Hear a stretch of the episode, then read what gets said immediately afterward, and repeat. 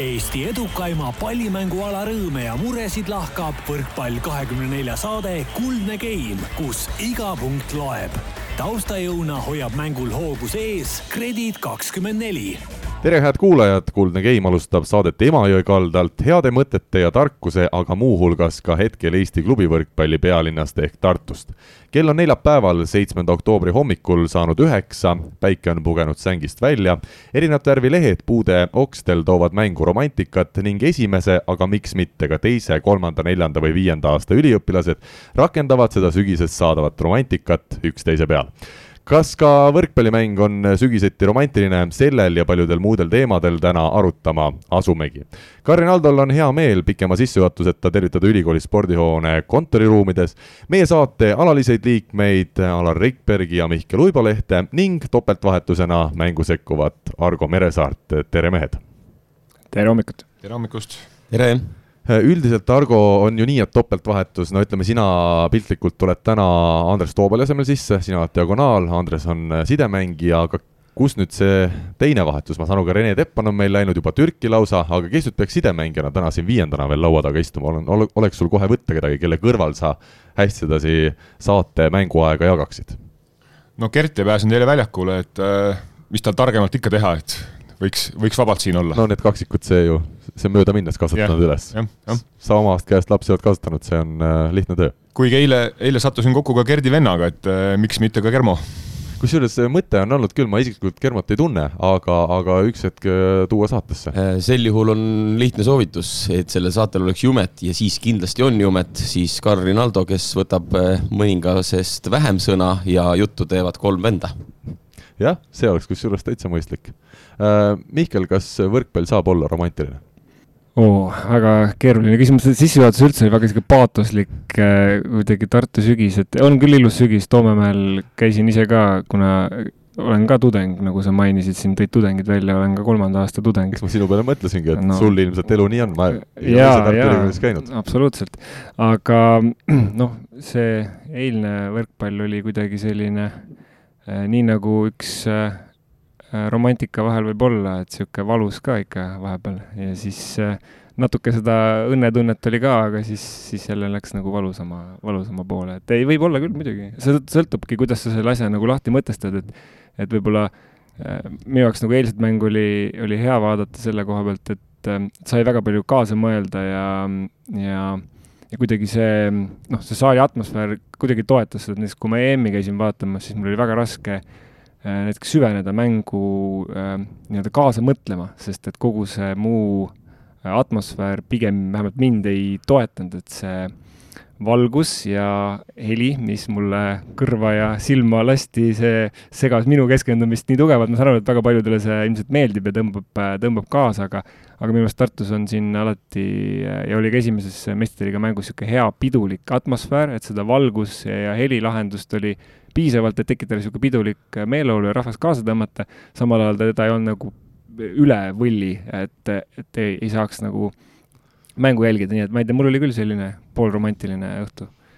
Poolromantiline õhtu, Argo, sina käisid ka mängu jälgimas, me jõuame mängu endani veel eh, ju õige pea, aga, aga kas ka võrkpall võib olla sinu jaoks romantiline või on muud asjad elus romantilisemad? Kui sa tuled lastega võrkpallimängu vaatama, siis see on nagu lastega kodus olek, et ega siis suurt romantikat ei ole, siis eh, muretsed rohkem olmeprobleemide pärast ja kuidas keegi pissile saab, et. eile kõik sai lahendatud? jah, kõik probleemid said lahendatud, aga romantikat jäi väheseks Äh, ma tean, äh, sinul, Mihkel, on täna ka üks selline kaebus esitada saate alguses, kuulsin, et sul on, mul on kaebus, räägi ära, räägi ära mure. et ma tulin, äh, kui ma siia sõitsin, siis ma märkasin ühte saates osalejat, ma nimesid igaks juhuks ei nimeta, et kes, kes rikkus väga karmilt hommikul juba liikluseeskirju Tartu linnaliikluses, et et lihtsalt tahtsin selle välja tuua. mis ta et, tegi? No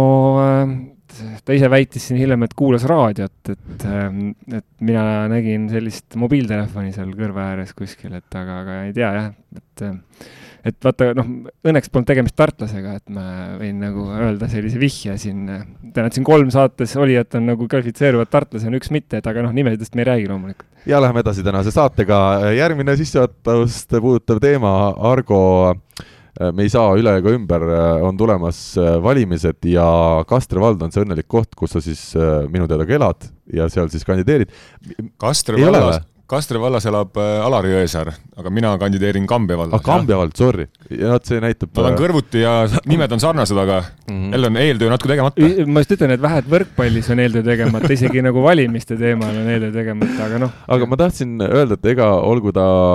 Kastre või Kambja vald, ega meil, ma eeldan paraku, et kõik. sinu jaoks ei ole vahet, on ju? ei, minu jaoks ma arvan, et on nagu on, aga et, et neid kuulajaid, kõik, kes meil on Kambja vallast, nad niikuinii valivad sind, et meil tänase saate jooksul ilmselt ei ole võimalik juurde neid äh, valijaid äh, saada siit. oled sa leppinud selle karmi tõsiasjaga? mina annan enda poolt kõik, et ikka tänu sellele saatele ka juurde saada, et. no nagu me ühes kommentaariumis ka sinuga arutasime või õigemini nojah, sai ära märgitud, et tegelikult saab ju veel sisse kirjutada ennast. et kui õigeks saaks sisse kirjutada, siis ja me ütleme, teeme täna näiteks suure töö, meil on mitu tuhat kuulajat, kõik need inimesed kirjutavad ennast Kambja valda sisse siis on ju võimalik valimistel teha hea tulemus. jälle on kodutöö tegemata, ma ütleks, et valimiste nimekirjad on juba lukus kõik, see, kus sa valida saad, et ma lihtsalt igaks juhuks ütlen, et äh, aa, kas, äh, kui ma täna muudan oma elukohta? minu teada küll jah, et, et nüüd jällegi muidugi pärast võtan siin suure suuga, võtan vett, suu vett täis ja siis pärast äh, eksin ise, aga ma tahtsin hoopis seda öelda, et kui ma Tartusse sisse sõitsin sealt Maaülikooli spordihoone poolt, siis ma nägin ühte teist meest ühe suure plakati peal, kes eile väljakul käis isegi, nii et kui sa räägid kandideerimisest, nimelt Rait Rikberg vaatas mulle vastu Maaülikooli spordihoone juures, väga õigesse kohta on oma plakati pannud mina mõtlen seda, et kumb saab rohkem hääli, ma saan aru, et noh, Kambjas on, eks ole, see ju nii palju on vähem inimesi, et kas see on ebaõiglane natukene. et Raidul on siin Tartus no,. Tartus on vast kandidaate ka selle võrra rohkem jälle, et mm. et äh, eks see tegelikult, kui need valimised lähenevad, siis äh, see niisugune väike hasart tuleb ikka sisse kui sa nüüd niisuguse võrdluse tood, siis, siis vaatame pärast valimisi ka, et, et kas, kas mina või Rait sai rohkem jah, et, et väike niisugune sportlik huvi tuleb ikka sisse ju. sa kandideerid esimest korda, esimest korda, jah. kust see äh, sisend tuli sellesse? Äh, no tegelikult on äh, siin väike süüdlane veel, ütleme ühe teise võrkpalluriga seotud äh, persoon, et härra Taavi Nõmmistu õde on tegelikult niisugune kohaliku, kohalik niisugune eestvedaja siin ja tema mu ära rääkis. mind tegelikult on juba kutsutud kahes valimistsüklis, aga ma olen olnud ise liiga noor võib-olla ja liiga kogenematu selle jaoks, et, et seda teed minna. ja nüüd noh, ütleme, et koduvallas on asjad jõudnud sinnamaani, et ma tundsin teatud asjades puudust ja, ja siis tuligi see otsus vastu võtta Alar, mitu erakonda sinul on teinud nüüd äh, ettepaneku, et äh, võiks kohalikel valimistel kandideerida? minu viimane ettepanek kandideerimiseks jääb, pakun umbes viieteist või natuke rohkem aasta taha. et äh, tundub, et pärast seda ma olen oma atraktiivsuse kaotanud, aga mu vend lööks mu maha, kui ma siin saates välja ei ütleks tema number kakssada kolmkümmend viis, Tartu linn. ja omavahel ma arvan küll, et võiks midagi vahele panna, et see on täpselt selline koht, kus Äh, Argo versus Rait, kumb saab rohkem hääli, et äh, kaotaja võiks mingisuguse mõnusa sportliku ülesandega ära lahendada? ma leidsin siit laua pealt nagu selle Bordeaux punase kaardi, et ma saan nüüd näidata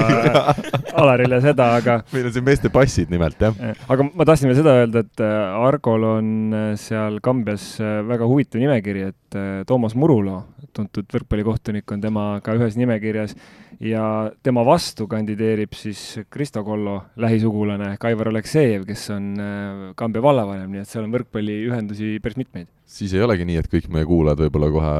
Argo ees viskavad pikali? et seal võib olla teisigi Oh, Oot, ootame ära, ootame mm. ära jah, ega siin ei ole mõtet spekuleerida ennem. kuule, aga mina ütlen ära ka, et kui nüüd Alar kandideeriks, siis mulle ikkagi tundub natuke nende sõnavõttude puhul, et kui üks erakond see võiks olla, siis ilmselt, äh, ilmselt EKRE kindlasti mitte. ja erakondliku eelistuse suhtes eh,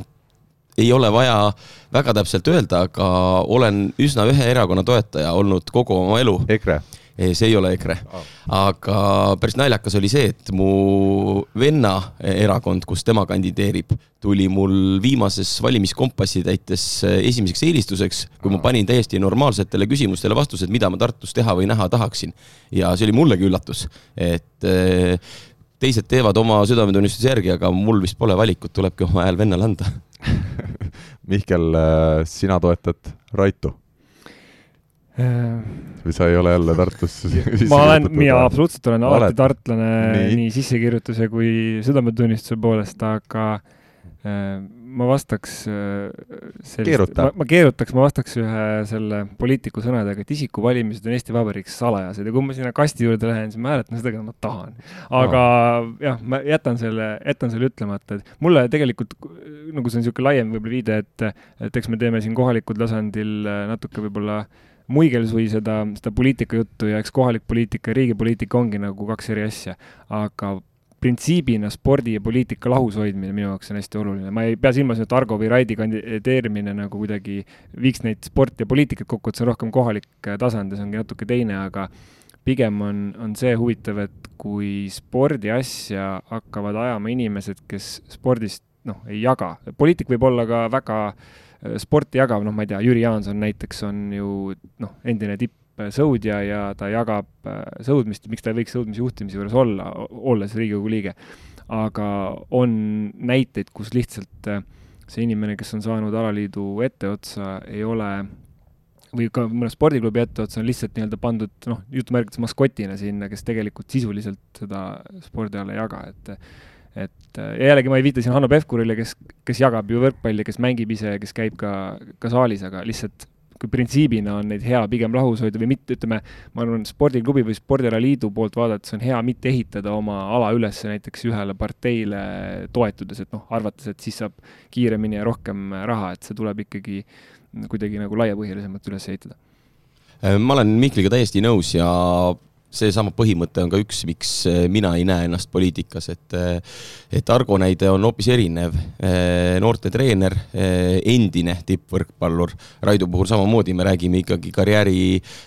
lõpuajast juba aga selline tegevsportlane või tegevtreener, kellel on veel pikk karjäär ees, siis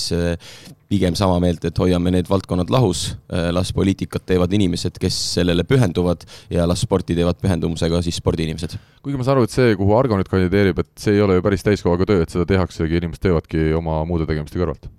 nojah, et seal on ikkagi, kui peaks valitama, siis oled volikogus ja, aga ma lihtsalt ütlen ka, et et miks, mis mind nagu, nagu ajendas seda, seda sammu astuma, oligi täpselt see, et mul on noortetreener ja ja probleemid eh, noorte vaba aja veetmise ja, ja ütleme, sport, spordihoone kehva seisuga, okei okay,, nüüd hakatakse ehitama, aga sportimisvõimaluste kehva seisuga. et täpselt, eh, ma lähen täpselt nagu oma nii-öelda oma teemasid ajama sinna. jaa, mina olen ka mingid ajad tagasi olnud suhteliselt kriitiline inimeste suhtes, kes lähevadki valimistel osalema ise mitte, ütleme, poliitikud olles, äh, mitte et ma poliitikutest äh, toona rohkem oleks arvanud, aga täna ma näengi eriti väikestes kohtades, kui tahad midagi muuta, siis on sisuliselt ainuke võimalus, kuidas saad midagi muuta, ongi see, et sa ise kandideerid ja hakkad ise võitlema oma õiguste või soovide eest, et et nii ta paraku on. Seal ei ole, ei ole, ei ole, ütleme, lihtne see olukord erinevates kohtades, jah aga äh, kui me juba poliitikast räägime, minu jaoks on ikkagi jätkuvalt äh, huvitav küsimus, et me valime Võrkpalliliitu ja juhatusse väga palju inimesi, kes ütleme ausalt, ei tea võrkpallist mitte midagi. ma sattusin kokku Paides Eesti meistrivõistlustel rannavallet mängides äh, kohvikus enne medalimänge, käisime seal kogu poolfinaalis jõudnud siis nelja, nelik käis veel võtmas väikest sellist einet ja see oli Tanel Kiik, kuna see oli samal ajal ka, oli Arvamusfestival mulle tundus, Tanel Kiik ei tundnud ära ühtegi ei Argo Arakut, Kaarel Kaisi teistest rääkimata, ta istus seal selle Arvamusfestivaliga seoses, ilmselt Tauno Lipp, äh, võistluse korraldaja, ei olnud talle ka maininud, et üldse mingisugune selline võistlus nagu rannavõrkpall ja Eesti meistrivõistlused seal toimuvad. Ja,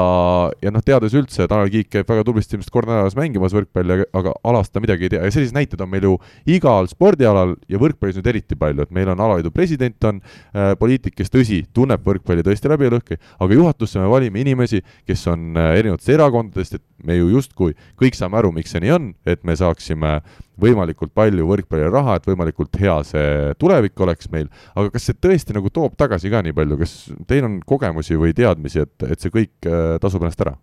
Äh, mul on väga raske öelda, et äh, miks üldse nii palju juhatuse liikmeid on või miks seal peab olema, ju mingid põhjused on, klubidele seatakse ette kandidaadid, enamasti neid väga palju ei ole et Võrkpalliliidu juhatuse valimine ei käi niimoodi, et saja inimese seast nüüd on vaja kümme välja valida, vaid pigem ongi kümmekond, kellega on räägitud, kellel on mingisugune side ikkagi võrkpalliga olemas ja seda Tanel Kiige näide, ma arvan, et tal on praegu kordades suuremaid probleeme, mida siin Eestis lahendada ja las ta tegeleb nendega. kui olukord rahulikumaks läheb ja ta jätkuvalt Võrkpalliliiduga seotud on, küll ta siis ka sellesse alaliitu panustada leiab aega või võimekust. ei tea, aga praegu on täiesti loogiline see, et äh, me ei näe teda aktiivselt võrkpallimängudel käimas või osalemas võrkpallielus, et seal on elus, ma arvan, muud prioriteedid aga tähtsamad. sa mainisid ka, et kas tegelikult on ilmselt ikkagi nii, et me nimetame neid vabadeks valimisteks ja need ongi vabad valimised, aga kokkuvõttes on teinud Võrkpalliliidu siis juhtkond ise ära selle lobitöö või eeltöö, et näed, me oleme nendega rääkinud, nemad on valmis meil tulema juhatusse ja nüüd anname siis klubidele paberid ette ja needsamad inimesed, kes on välja valitud, tuleb lihtsalt ära valida. võrkpalliliit nagu teised alaliidud, mittetulundusühing, kus siis valimisõigusvõim on klubide käes, kes on selle alaliidu liikmed. Ma ei ütle, et nüüd alaliidu juhatus kõik need kandidaadid otsib, et kõigil on eh, vaba voli neid leida, inimestega rääkida, neid meelitada kandideerima. aga miks ei taha siis võrkpalliinimesed sinna minna? väga raske öelda ja küsimus on ka selles, et ega see alaliidu töös osalemine ei ole päris nii, et noh, sa sealt nagu väga midagi ei saa mm, tagasi, ei anna sulle raha või midagi, see eeldab ikkagi teatavat panust ja seda tasakaalu on püüdud hoida, et seal juhatuses peab ikkagi olema võrkpallist jagavaid inimesi ka, noh pluss siis tegelikult tegemist on ju ikkagi kõrgemal tasemel selle spordiala juhtimisega. Ja on seal ärimehed või on seal poliitikud, mina olen seda meelt, et eh, hea juhtimiskogemusega inimesed peavad olema alaliidu eesotsas. sõltumata sellest siis, mis nende taust on, pluss tasakaaluks peab seal olema spordiala inimesi juures, kes lihtsalt oskavad eh, teatud otsuseid selliselt suunata või õigeid otsuseid selle spordiala jaoks vastu võtta. no tegelikult ju tegevtreenereid tegevmängijaid, kui ma ei eksi, selles üheksaliikmelises eh, Eesti Võrkpalliliidu juhatuses, mis siin valiti, kas see oli siis oli see eelmise aasta vist oktoober. Äh, ühesõnaga, seal ei ole ühtegi tegevtreenerit, tegevmängijat, kõik on siis ärimehed, ärinaised või siis äh, poliitikud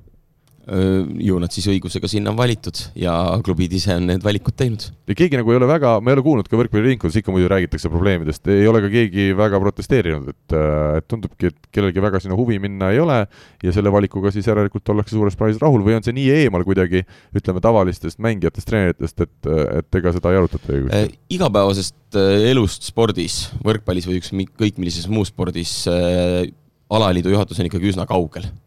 need on teatud sellised põhjapanevamad otsused, mis tehakse. Ja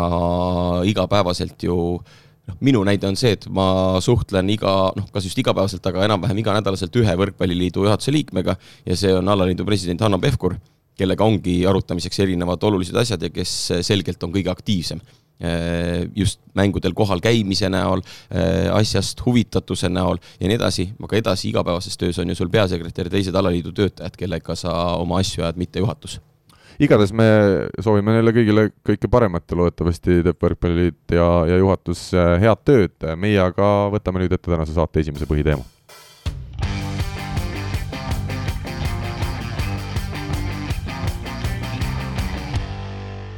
Tartu Bigbank jätkas siis äh, maailma tugevamat võrkpallisarja meistrite liigat äh, eile kolmapäeva õhtul ja sai kodus üks-kolm kaotuse Portugali parimalt meeskonnalt Lissaboni Benficalt väga erinevaid emotsioone pakkunud mäng, meil on äh, siin saates ikkagi, ma julgen öelda, Eesti spordis üldse haruldane olukord, kus Eesti parima klubi treener on, on meil pä-, järgmise päeva hommikul jutumärkides pihitoolis ja ja me saame päris ausalt ilmselt asjadest rääkida, aga alustuseks võtame ette Mihkli ja, ja Argo milliseid äh, muljeid teile see eilne mäng äh, pakkus, kaks esimest geimi oli justkui üks mäng ja siis kolmas-neljas geim oli teine mäng, alguses saime ilusti vastu portugallastele, kaks viimast geimi ei olnud enam võimalust, mille taha Tartule see mäng võis jääda? jah, see oli niisugune üles-alla selles mõttes, et äh,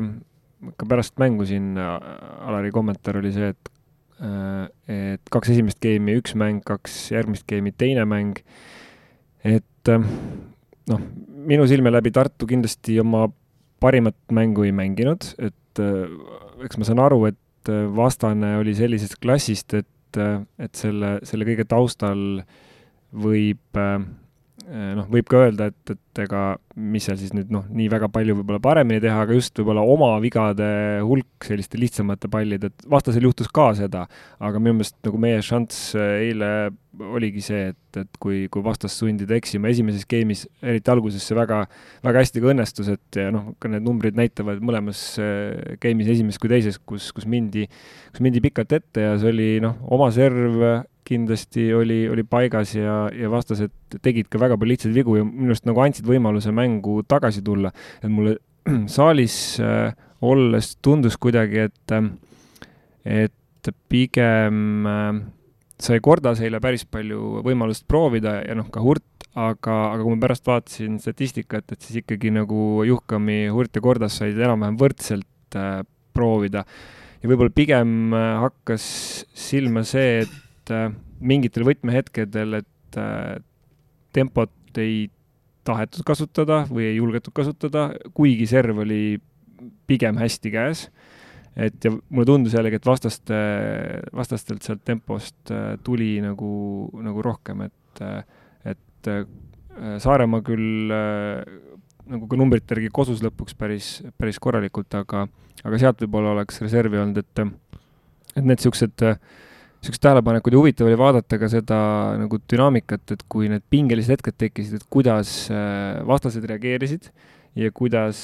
Tartu võistkond reageeris, et et mul oli väga hea meel sellest, et tegelikult ka esimeses game'is tuldi tagasi, äh, et mängu, et oldi pikalt ees, siis tuli vastane järgi ja siis ma mõtlesin, et okei okay,, kas nüüd on nagu selles mõttes kõik, et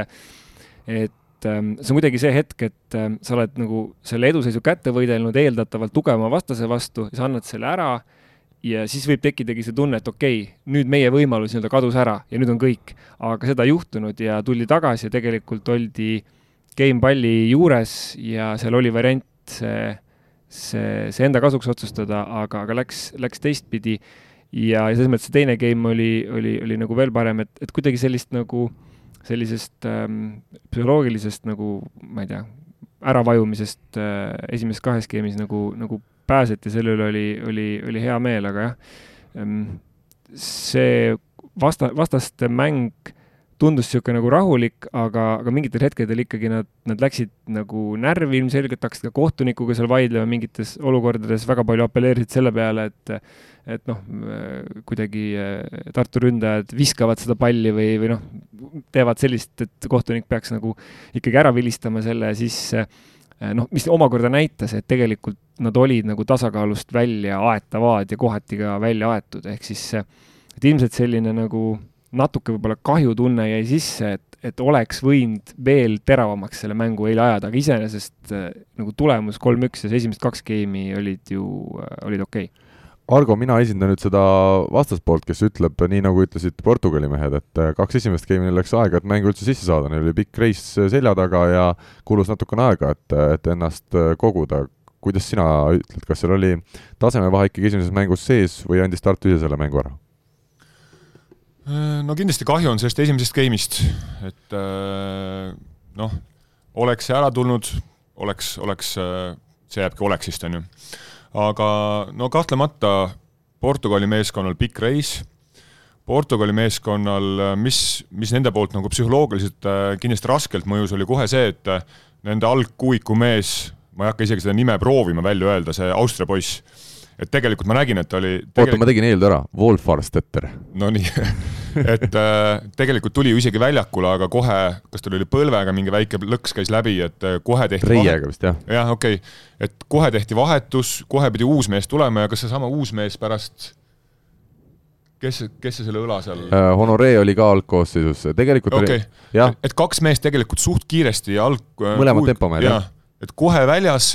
ja võib-olla natukene mõjus see, see ka nagu Portugali meeskonnale psühholoogiliselt raskelt, noh, pluss see, et uus saal ja, ja kõik see.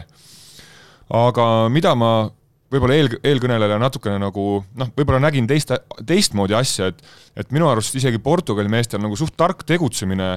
seal ma pakun, et mingi kolm-üks seisul läksidki juba kohtuniku juurde ja ja selgitasid välja, et mis on tegelikult lubatud ja mis ei ole lubatud. et, et võib-olla ülejäänud mäng oli selle võrra nagu rahulikum nende poolt ka, et et noh, needsamad Alberti need visatud pallid nii-öelda või et kui pikk see puude, puude seal on ja et tegid suht kiiresti selgeks, kohtuniku käekiri tehti selgeks ja pärast oli võib-olla nende jaoks lihtsam mängida.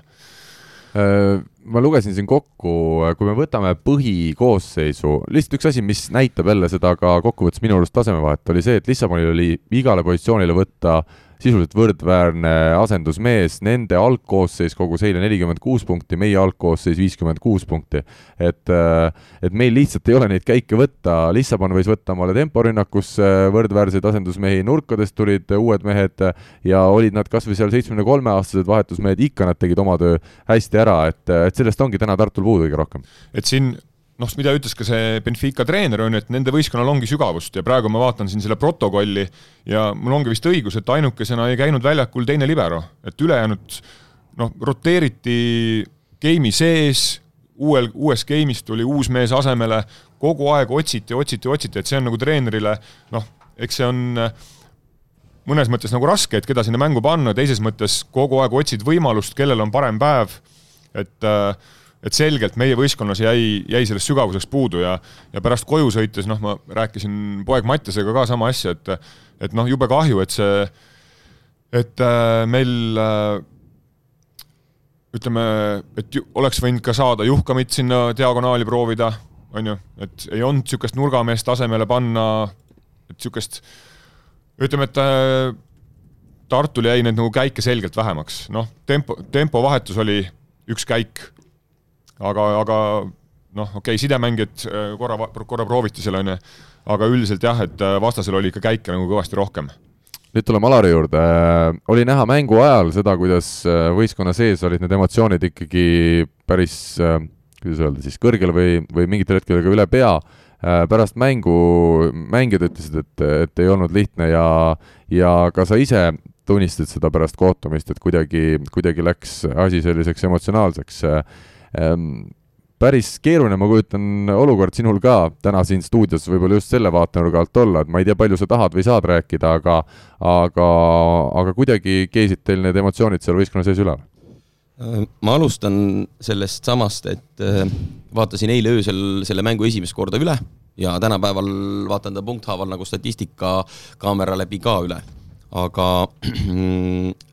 päris nii hull ei olnudki, et meil oli kaks geimi ja kaks geimi, sest et vaadates mängu kolmandas geimis ja neljandas geimis oli veel viieteist peal vahe üks punkt, seal oli kolmteist, neliteist ja neliteist, viisteist. Ehk eh, samamoodi. Pärast isegi rasket olukorda me püsisime päris hästi mängus. Nendes kolmandas ja neljandas läks lõpp lihtsalt eh, lappesse, hakkasid tekkima, vastane pani surve peale, hakkasid tekkima probleemid aga mõnes mõttes see, mis kõrvalt paistis, see, mida Ronald Järv pärast mängu intervjuus õigesti ütles, et meie maksimegi kooliraha,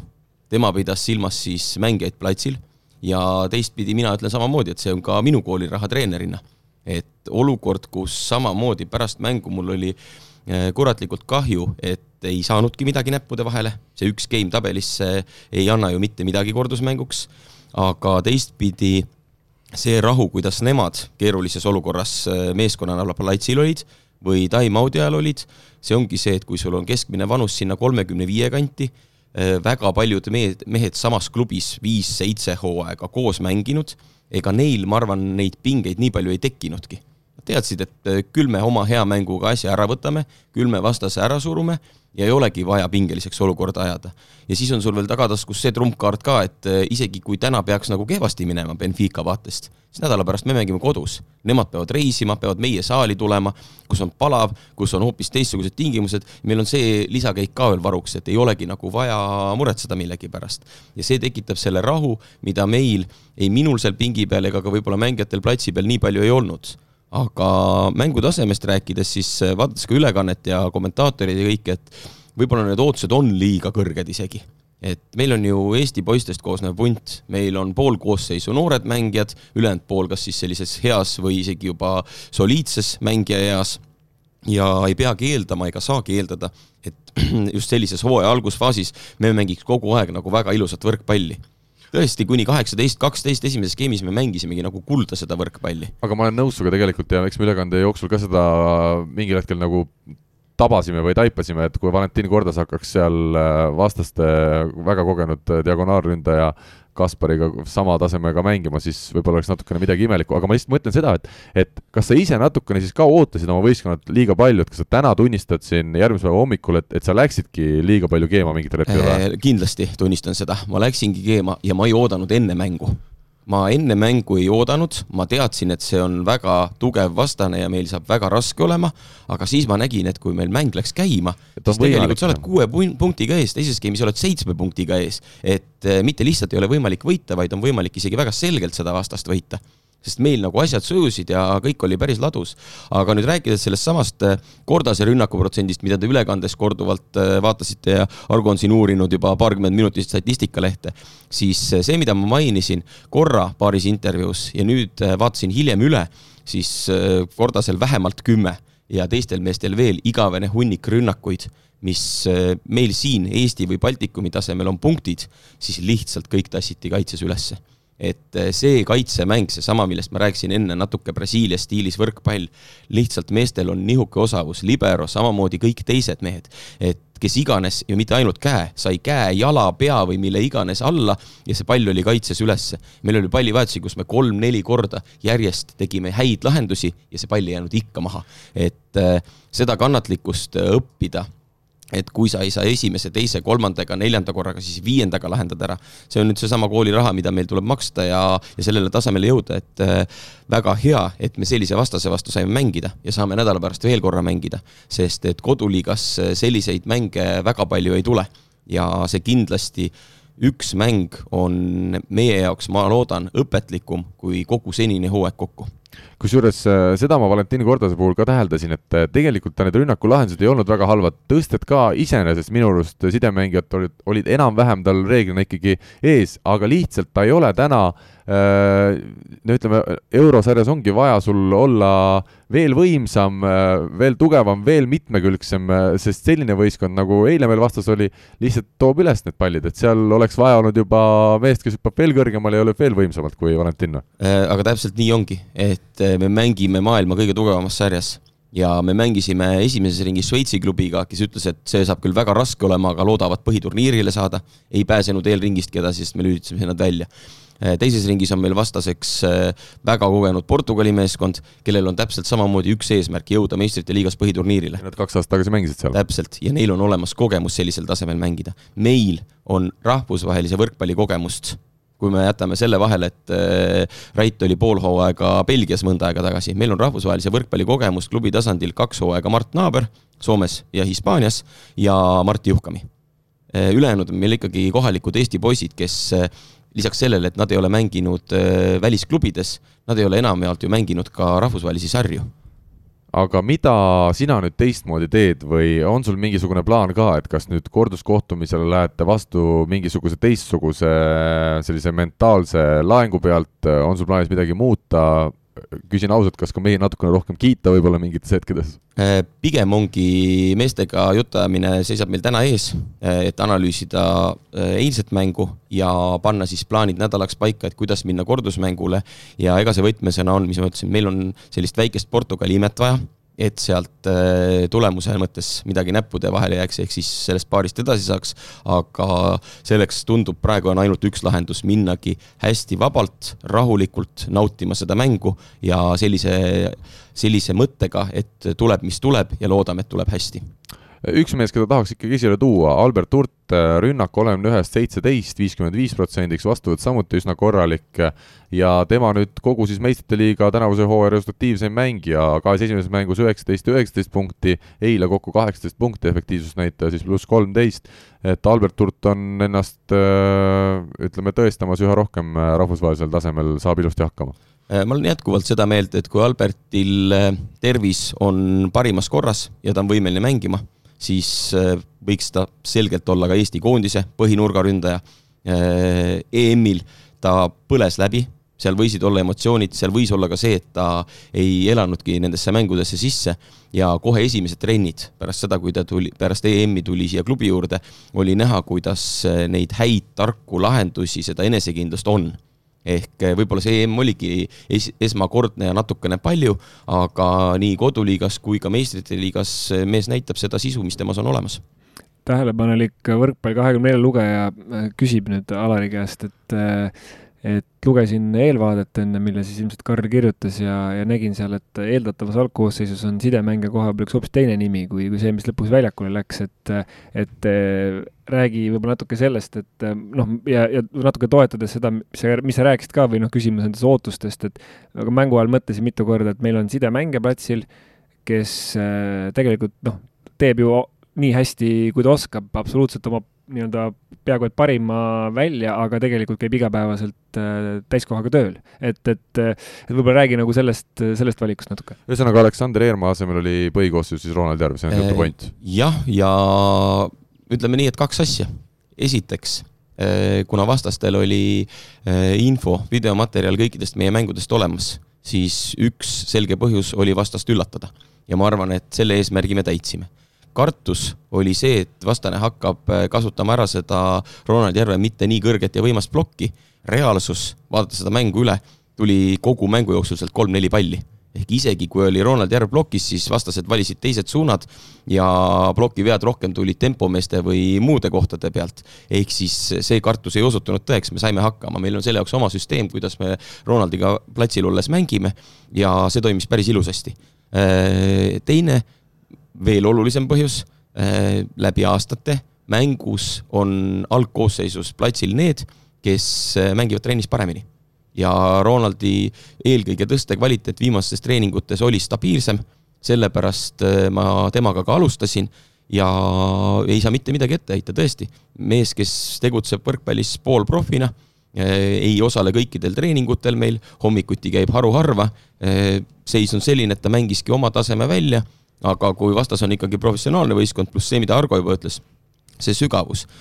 neil ongi lihtsalt nii palju rohkem vahendeid ja võimalusi, et osta endale neliteist võrdset meest. Eh, seda naljatledes siis eh, Martti Juhkami endine klubikaaslane Wolf Hartstetter ka ütles, et teil saab olla väga raske meie jaoks valmistuda, sest et te ju ei tea, kellega me mängime ja meil on igale positsioonile võtta veel mehi ja reaalsus oligi selline. minu mõttekäik siin äh,, ega need brasiillased, ma rääkisin ka enne nende ühe siis abitreeneriga, et, et need on ju selgelt odavamast klassist kui on Euroopa mängijad, kes on samas äh, ütleme, mänguklassis äh,. ja nad ütlesid ka, et äh, noh, neile annab palju juurde see, et Portugalis räägitakse portugali keelt, nii nagu Brasiilias ja brasiillased väga meelega tulevad sinna Lõuna-Euroopasse, kus on ka võrdlemisi soe ikkagi. kas Eestis on seda, ütleme, kaalutud et võttagi, no ma kujutan ette, et Brasiiliast saab, nii nagu Pärnu omale legionäre kohati võtab, et äh, maksad neile mõned sajad eurot äh, palka, annad elamise, annad söögi ja nad on juba rahul selle eluga ja, ja. et tuuagi Tartus näiteks teine vii-, viisik või kuu-, kuuik, äh, selliseid mehi ja sa maksad kokku võib-olla nende pealt kaks tuhat eurot ja. Äh, nüüd me jõuamegi selleni, et miks sa legionäre tood ja mina olen selgelt seda meelt, mis põhjusel ka Tartus ei ole, et legionär ei pea andma mitte selle võistkonna konkreetse hooaja tulemusele juurde nii nagu me näeme näiteks väga palju korvpallis, kus samamoodi saab võrreldes eurooplastega odavamaid ameeriklasi sest neid on lihtsalt turul külluses ja külluses ja nad tahavad siia Euroopasse tulla, siis minu nägemus on selline, et eh, see legionär peab olema kas kogenud, et ta aitaks kohalikel noortel areneda, või tõesti selline liider, kes midagi teeb ja ära, ära nagu tema noh, najal võidad siis midagi. see, et meilegi on sattunud brasiillasi, siis eh, noh, eelkõige siis viimastel hooaegadel Pärnu, me oleme näinud ühte väga head näidet Atu näol, kes sisuliselt tõigi tol hooajal peaaegu ainuisikuliselt Pärnule meistritiitli aga me oleme näinud ka küllalt ja küllalt selliseid mehi, kes ei pääse isegi platsile. Ja ma ei arva, et trenni kvaliteedi tõstmiseks peaksin ma pöörama oma pilgu Brasiilia poole ja sealt viis meest tooma, pigem ma pööran oma pilgu eh, noorte eestlaste poole ja võib-olla siin juba lähitulevikus ka Argo noorte poole, eh, kes saavad karastuse ja võib-olla neist tuleb siis Eesti võrkpalli kunagi häid mängijaid juurde. lihtsalt kogu austuse juures kõigi nende vahetusmängijate osas, kes sul täna on, eh, nad on, nad on täna, ütleme, vanuses kakskümmend pluss vist kõik seal ja vaevalt neist kellestki enam tuleb Eesti koondise põhimeest, kui me peame siin silmas Siim Päid ja Siim Tammearut, Ergo Antsmani näiteks, et et ma saan aru, kui sul oleks teine kuuik, oleks kuueteist, seitsmeteist, kaheksateist aastased andekad Eesti noortekoondised, aga, aga tänasel päeval on, on lihtsalt, lihtsalt tasemevahe, ma ise näen ja mul nagu kurb vaadata seda teie trenni kohati, kuidas see, see kvaliteet ei saagi seal sees ju olla praegusel hetkel ei ole asi nii hull, meil on võitlus kahe kuuiku vahel trennis päris korralik, sõltumata sellest, kes on ühel või teisel poolel. ja kui me mängime seisu peale, siis eh, tihti need game'id ongi kakskümmend viis, kakskümmend kolm ja kakskümmend kuus, kakskümmend neli. ehk seda võitlust on omajagu, natuke ma seal vahetan ka mehi eh, kindlasti tuleb arvestada ka sellega, et eh, meil on praegu võrrelda, mitte ühelgi hooajal ei ole olnud, meil on praegu mängul üles anda neliteist meest see on juba e saavutus. teine asi, äh, vigastusega on veel kaks tükki audis, Gert Toobal ja Taavet Lepik, kes annavad veel meeskonnale sügavust juurde. jah, kui kõik oleks terved, siis ma olen nõus, on täitsa, täitsa okei okay ju sõita. täpselt, ehk siis sel aastal ma pean ka oma klubi kiitma, et, äh, et äh, meil on igati korralik komplekteeritus ja mitte ainult kuuiku osas, vaid on näha ja kindlasti hooaja jooksul on ka pingilt abi tulemas. ma, ma toetan Laaret selle, just selle välismaalaste kasutamise loogika suhtes, aga ma tahaks ikka veel küsida selle, selle, selle sidemängija, selle teema kohta, et, et ma saan aru, et tasemevahe, ütleme, niisuguse keskmise tasemevahe Portugali klubiga on, on selgelt olemas, aga kas sa näed nüüd midagi, mida oleks äh, saanud teha, et sa mingil hetkel väga tugevalt Äh, ka, ka ütleme niimoodi, tõstsid häält Järve osas, et ta nurka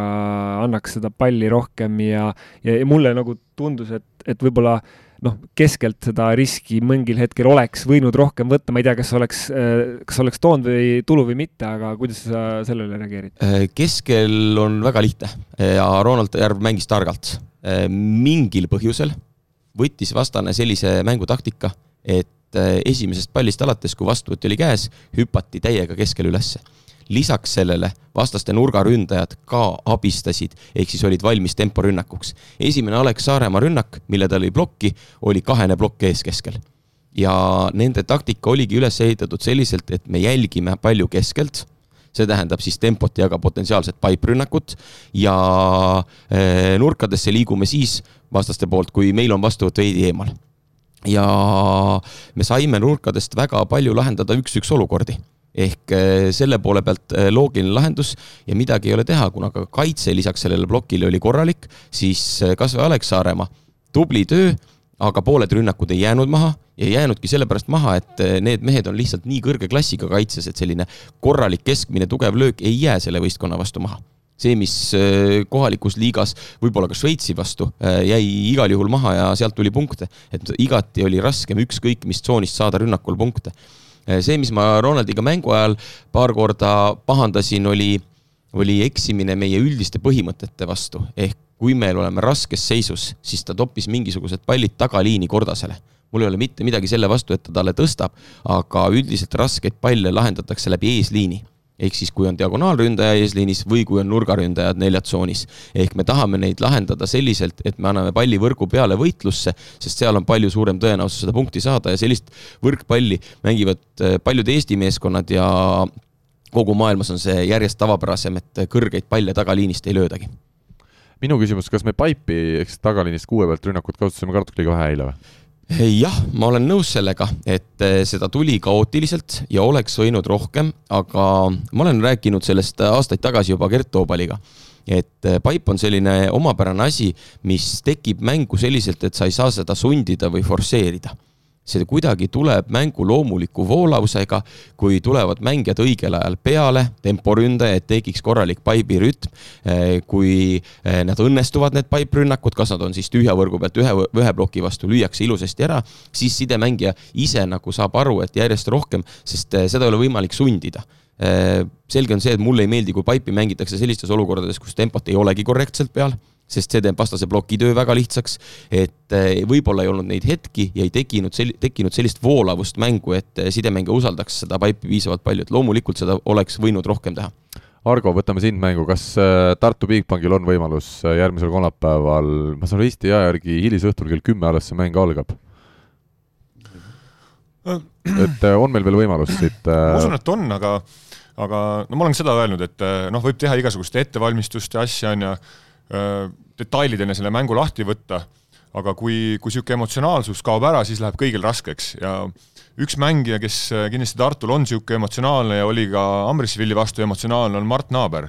kes eile natukene jättes üldse numbrid kõrvale, siis kuidagi emotsionaalselt oli niisugune vaikne ja et äh, kui need, ütleme, kui Mart õnnestub, on kindlasti üks mees, kes suudab selle äh, võistkonna nagu kuidagi käima tõmmata emotsionaalselt. et eile ma tõesti nautisin äh, Portugali libero nagu tegutsemist. me vist okay, kõik see, nautisime, täitsa ulme ikka. see, et ta need pallid üles tõi, aga see, noh, ma saan aru, et Rait enam ei hüppa, võib-olla kunagi hüppas sülle ja rõõmustas, onju, aga, aga seda on nagu nauditav vaadata, kuidas, kuidas vana suudab kaks tundi järjest nagu, nagu Turatselli jänes kaitses mängida, teisi ergutada, plaksutada, nagu pakkus tõelise show, et nagu fantast vaadata. aga noh äh,, mul oligi päris huvitav kuulata praegu Alari seda, seda niisugust analüüsi siin, et noh, ma tean neid kõiki asju ja ma isegi mõtlesin, et, et, et kui ma võtan sõna, et huvitav, kas ma kõigest tohin rääkida, et niisugused põhi, põhi äh, siuksed äh, asjad, mida, millest peab kinni pidama ja, ja võib-olla kui eile publikus ka vaadati, et et Ronni lasi sinna ühte ja, ja Kordas lõi selle palli äh, plokki, on ju, et siis et võib-olla arvati, et Äll, Äll nagu kurjustab sellepärast, et, et sinna plokki löödi, aga noh, tegelikult oligi see, ma tean neid põhimõtteid, et, et proovitakse neid kontrapalle eesliinist lahendada, et seda tegelikult oli päris huvitav vaadata, et mina istun ka siin nagu koolipingis alati järgmise päeva hommikul ja peaks sulle ainult üles ka kirjutama kõik need mõtted, õnneks on pärast võimalik üle kuulata. aga selle mängu ajal oli noh, hästi tore, ma nagu vaatasin selle, selle nurga alt ka tõesti, et, et vastas oli kogenud võistkond ja meie poole pealt, noh, Rait on kindlasti mänginud rahvusvahelisi mänge koondisega, aga ma jälgisin kuidagi seda kehakeelt. Albert väga tubli äh,, Marti Juhkam oli väga tubli, aga ülejäänutel oli selline, kuidas ma ütlen, niisugune kerge värin sees või äh, ma ei oska öelda, niisugune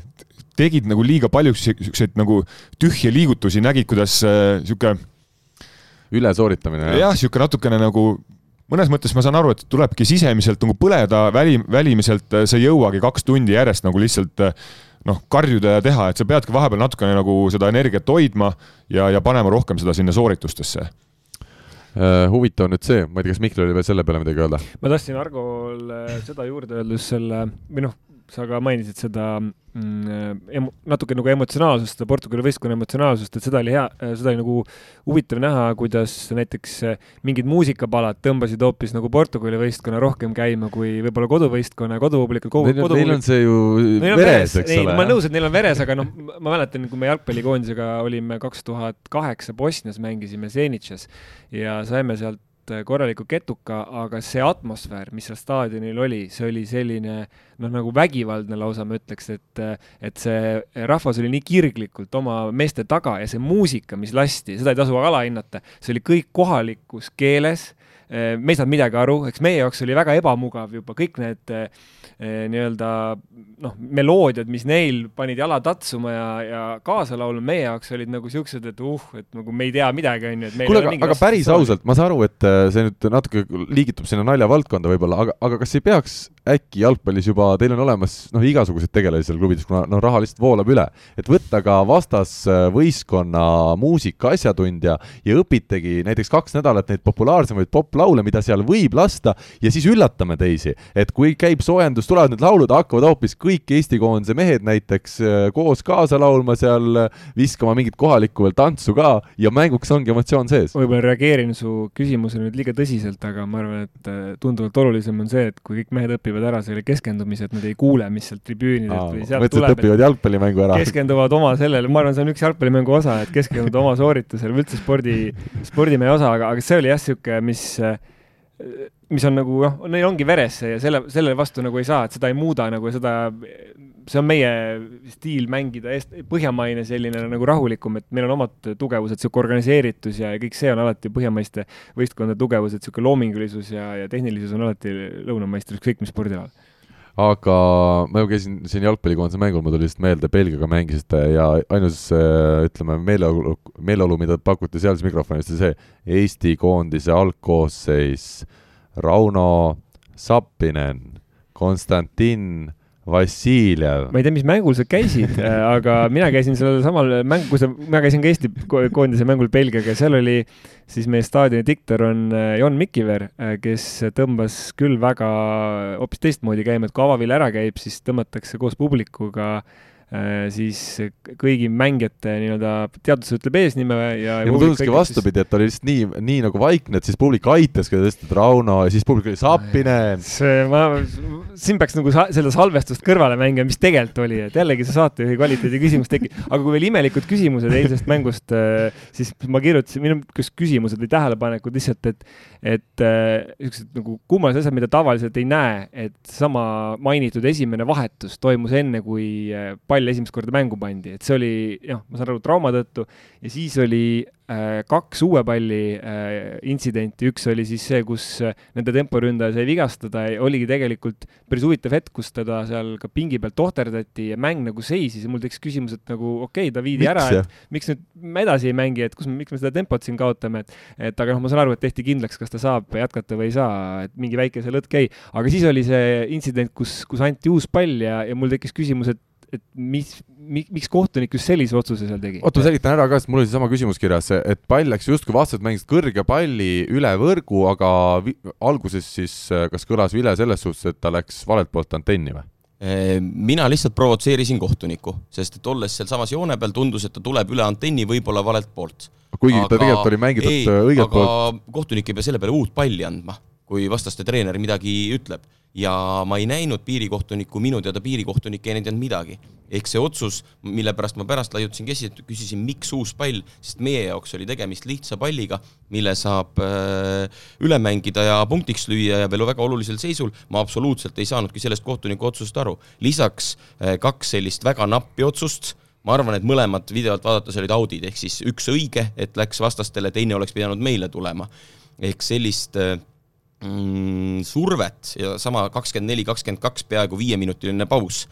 kus lihtsalt Alex Saaremaa ootab ja tahab servida ja väga tubli noore mehe poolt, et pärast seda pani veel korraliku servi. Alex Saaremaa on üldse servima õppinud, eile oli lust vaadata, kuidas ta servis. Eh, Alex Saaremaa on servima õppimisel õigel teel, ütlen eh, sellise diplomaatilise vastuse, aga tõesti oli tubli, tegi ka vigu, aga see on loogiline, neid asju tuleb sisse ja ma loodan, et hooaja lõpuks on ta selles elemendis veel märgatavalt parem, kui ta on täna, sest et kõik eeldused selleks on olemas aga jah, neid noh, tekibki olukord, et me oleme suure eduseisu maha mänginud, mängu sisse saanud ja siis on sellised napid, võib-olla väga vaieldavad kohtuniku otsused, vigastus, paus, ehk neid meid mitte soosivaid asju seal esimese geimi lõpus oli ka päris palju, mitte ainult võrkpalli mõttes, vaid, vaid nagu selliseid segavaid faktoreid. hakkame vaikselt kokku võtma seda teemat, millal te lendate nüüd äh, Lissaboni poole? Eh, teisipäeval Riia kaudu läheme, õnneks on minek enam-vähem okei okay,, ehk sinna saame otselennuga Riiast Lissaboni, et ei olegi nii väga pikk see reisipäev. üsna vara hommikul Tartus stardime, siis lõuna ajal on Riiast lend ja, ja pärastlõunal oleme Portugalis. Äh, tagasitee muidugi saab müstiline olema, neljapäeval tuleme tagasi pärast mängu ja see on nüüd küll terve päev reisimist ja võib-olla kahe-kolme ajal öösel Tartusse jõudmine. kust läbi lähete, siis Aasiast, Aafrikast? Äh, Oslost Os, sellise ringiga hoopistükkis ja Tallinnasse. vahemaandumise ka, räägite norralastele ka, kuidas käib äh, võrkpalli mängimine, selles suhtes, et lähete pikemaks Oslo linna peale? ei lähe, eks meil juba järgmine nädal ju pühapäeval ootamas ees Kredit kakskümmend neli meistrite liiga mäng TalTechiga okay.. ma, ma ütlen lihtsalt vahepeal, kuna siin enne esimese teemaploki algust oli juttu siin valimistest ja siis Rinaldo siin reklaamis, et kes tahab, vahetage veel oma elukohta, siis tegelikult praeguse saate ajal tuli mulle vähemalt meili peale valimiste teabeleht ehk siis nii-öelda valijakaart, kus siis oli kirjas, et kus, kus ringkonnas ma hääletada saan, nii et äh, mina mõtlesin, mul oli õigus. mina mõtlesin, on tehtud täna Eesti Raadio ajalugu ehk siis saade, mida ei salvestata laivis, ometi tulevad saate ajal kuulajate parandused aga üks asi veel, meil on siis meistriliigas mängitud nüüd tänavusel hooajal eelringides kokku kümme kohtumist ja rõõm on tõdeda, et Tartu publik äh, kerkis nüüd tagasi esikohale, seitsesada pealtvaatajat eilsel mängul oli ja atmosfäär oli tõesti mõnus, kuigi saal on suur, mahub siis vist kas kaks tuhat inimest ja ta võis jätta telepildist kohati sellise mulje, et ega väga palju rahvast ei ole, aga kohapeal oli ikkagi kõva emotsioon. Ja suur tänu kõigile, kes kohale tulid ja ma loodan, et äh, ka kohaliku liiga mängudel rahvas ikkagi leiab selle tee saali, sellepärast et kohapeal on mõnus võrkpalli vaadata. ma, ma loodan, et oleks ala. mõnisadagi. ma jah, mõnisada oleks juba hea, need, need fännid kuskile kaovad ära, ma ei tea, mis nad teevad ju siis on alternatiivseid tegevusi nii palju ja see on eh, olnud päris palju spordis, pluss siis see, et eh, kõigest toodetakse ülekandeid. väga mõnus on kodus diivanil istuda, popkorni pakikene kõrvale võtta ja, ja oma koduses keskkonnas raha kulutamata seda võrkpalli või ükskõik millist sporti nautida ja, ja see kindlasti mõjutab nii saalide kui staadionide täituvust. elekter on nii kallis nüüd, et sul kodus vaadates telekas seda mängu on kallimaks läheb lõpuks kui koha peale minna. aga see ongi nüüd lootus, et ehk tõuseb elektri hind veel ja siis me saame jälle rahvasaali. aga me ei saa kahjuks alahinnata seda, kogu seda koroona olukorda ja eelkõige just ka seda noh, erinevat kommunikatsiooni, kuidagi selline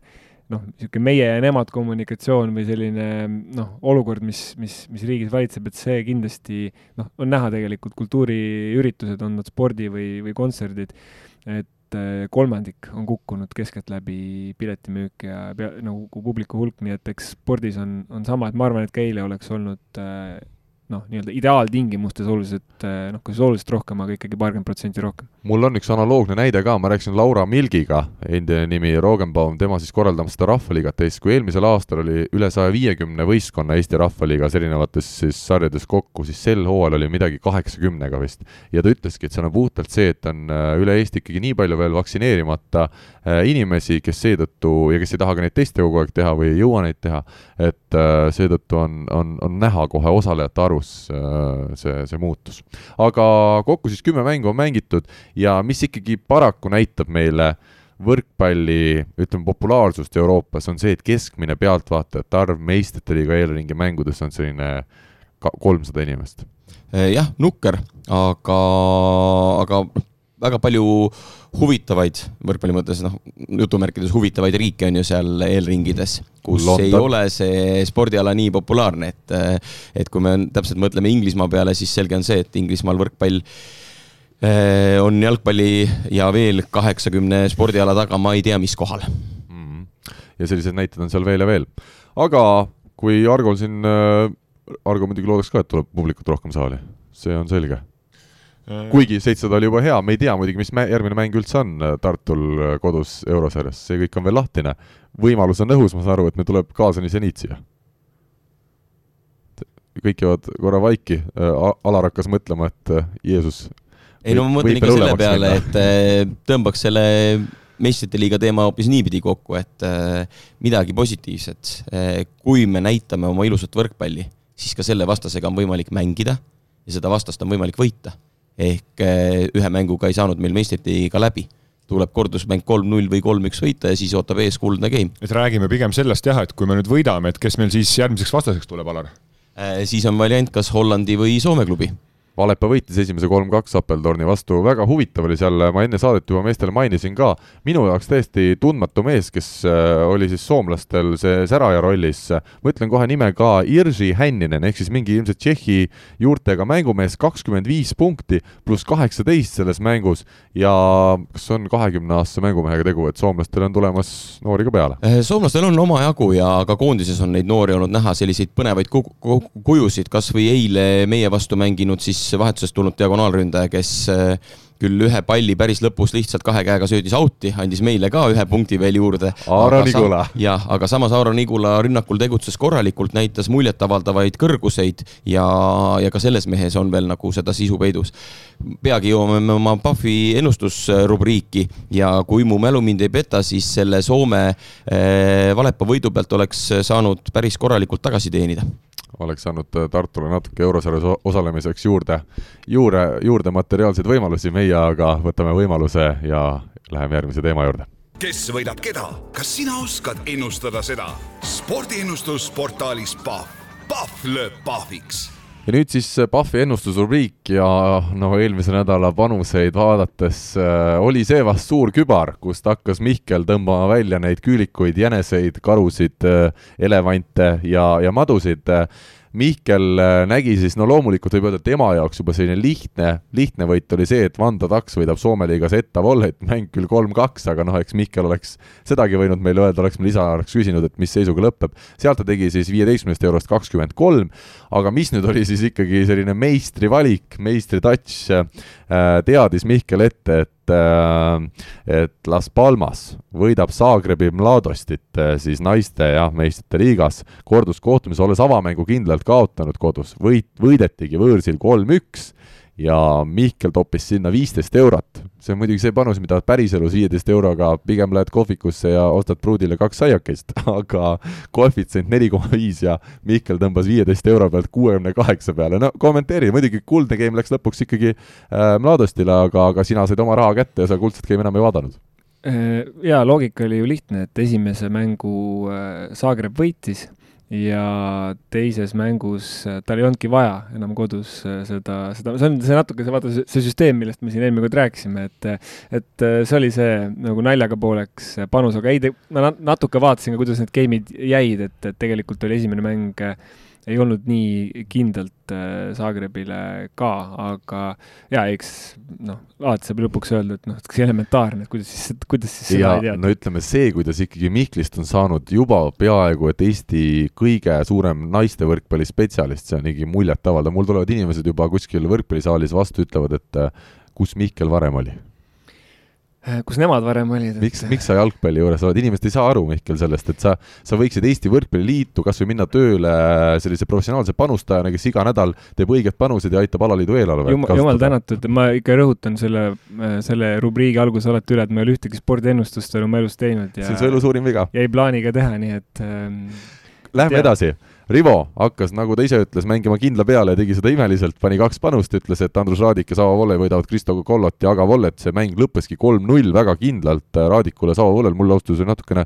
kohe selline imelik tekkis, et, et kas nüüd Aga ongi nii kehva Olli Gunnari kõva legendaarne mängumees, esimest aastat peatreener ja, ja kas nüüd nii hakkabki tulema, igatahes Rivo pani selle pihta, samuti ta panustas siis teadmata Venemaa võrkpallisarjas. Äh, me ei, me ei suutnud tuvastada, mis liigaga täpselt tegu on, aga et Empire Pro võidab Legion Prod ja see mäng lõppes kolm-üks ja sealt siis tuli kümme eurot veel plussi juurde. Ja mina siis äh, muidugi panin Rivale vastu, et aga võidab Savot, ei võitnud, aga nägin ära, et äh, St Louis Cardinals võidab pesapallis siis Ameerikas äh, Milwaukee Brewersit, tulemus neli-kolm, igal juhul kindel värk, ja Timo Tammemaa, Ržesov ja Seko Rezovia võidavad Poola kõrgliiga avavorus Olstinit, tulemus kolm-null ja sealt tuli siis ka kokkuvõttes mulle väike pluss. Rivo Vesik, meie võistluse liider, kahesaja viiekümne nelja euroni nüüd kasutas oma saldo, pluss kolmteist tuli siis nädalaga juurde, Mihkel Uiboleht kerkis kuuendalt kohalt teiseks, saja seitsmekümne kolme euro pealt tõmbas nüüd kakssada kolmkümmend neli välja. Nii et äh, meie ajaloo kõige suurem selline tõusulaine, kuuskümmend üks eurot ühe nädalaga, Alar jätkab kolmandana, kakssada kakskümmend kuus eurot, Teppan viies, kakssada seitseteist eurot, Andres Toobal sada üheksakümmend kaheksa, mina sada üheksakümmend, Kristjan Kais sada seitsekümmend. Kristjan kõike tuleb muie näole, kui tuleb meelde, mille üle ja kuidas ta ennustas ja võistkond Sõbrad, keda siis täna hakkab meil Argo esindama, on hetkel viimane saja kuuekümne kaheksa euroga, nii et võib öelda, et vennad Kaisid, Kristjan ja Kaarel on kaks viimast. aga Alar, kas me alustame täna sinust, oled sa midagi huvitavat leidnud e,? mitte huvitavat, aga esimene panus on mul pühendusega eilse vastase eh, temporündajale Austriast ehk siis eh, Peeter Wohlfahrtstätterile. Eh, vaatan, et Indian Wellsi turniiril lähevad vastu, vastamisi Philipp Kohlschreiber ja Daniel Taro ja ma panen Kohlschreiberi peale, et see ei ole küll väga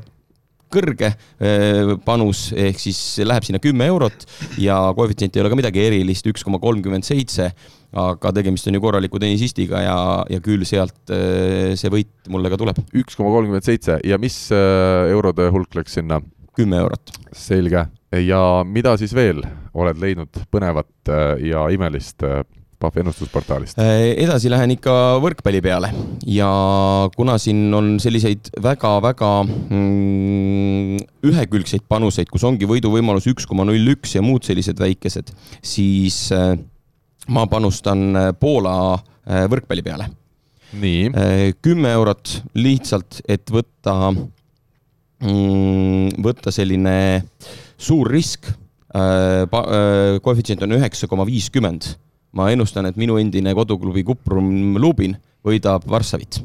on seal mingi tõepõhi ka ma tean, et Rene Teppanit ju taheti veel Lubinisse hooaja eel võtta, kuna neil on seal mingid probleemid mängijatega ei, sellel panusel nagu väga tõepõhja all ei ole, aga samas esimene mäng Belhatovi vastu Lubinil ei läinudki nii halvasti, kaotasid üks-kolm, aga, aga seda tasavägisust seal mängus oli. ja see on nüüd puhtalt selline koht, kus see kümme eurot läheb, äh, läheb riski peale, et sellest teha üheksakümmend viis. see on selline hea tegevus, ütleme nii. Äh, ei, mul on ikkagi lootus ja usk ja äkki nad, äkki Lubin võtab ennast kokku ja, ja teeb mingisuguse üllatustulemuse, neid on aja jooksul sellel klubil ikka olnud. ootame sinu kolmandat panust ka kümme eurot on veel kuskile ära raiskamata. ja, ja jääme Poola võrkpalli peale. kas läheb Gdanski mängu peale või? just vaatangi seda Gdanski ja Savertše mängu, aga Gdansk minu hinnangul sel aastal on selline mm, mitte just kõige teravam, mitte just kõige parem, aga üllatusvõimeline ja sellepärast ma Gdanski peale panen. koefitsient on seal kaks koma nelikümmend kolm, et et eh, täna tulevad üsna riskipanused, välja arvatud siis eh, Kohlschreiber, kes mulle kindla raha koju toob väga hea, äh, ma ütlen veel üle igaks juhuks, sa vist mainisid ka seda Gdanski koefitsient kaks koma nelikümmend kolm. Äh, Mihkel, võtame sind ette,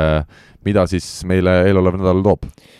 no teeme jälle siis äh,, riskeerime natukene. naiste meistrite liiga. just täpselt, et äh, olümpiakos mängib kodus Minski võistkonnaga ja kuigi olümpiakos on favoriit, siis ma paneks Minski peale kaks koma kaheksa on seal koefitsient. kui see ka ära tuleb, siis, äh, siis mina teen sulle erilise kingituse järgmiseks saateks, sest see ei ole võimalik, et sa, et sa teadki kõigest nii hästi, et sul kõik need üllatusklubid ainult võidavad. no ma, ma vaatasin seda, et, et see olümpiakos äh, sa isegi eel... hääldad, ma saan aru, kreekapäraselt äh, nimesid. eelmises ringis äh, Äh,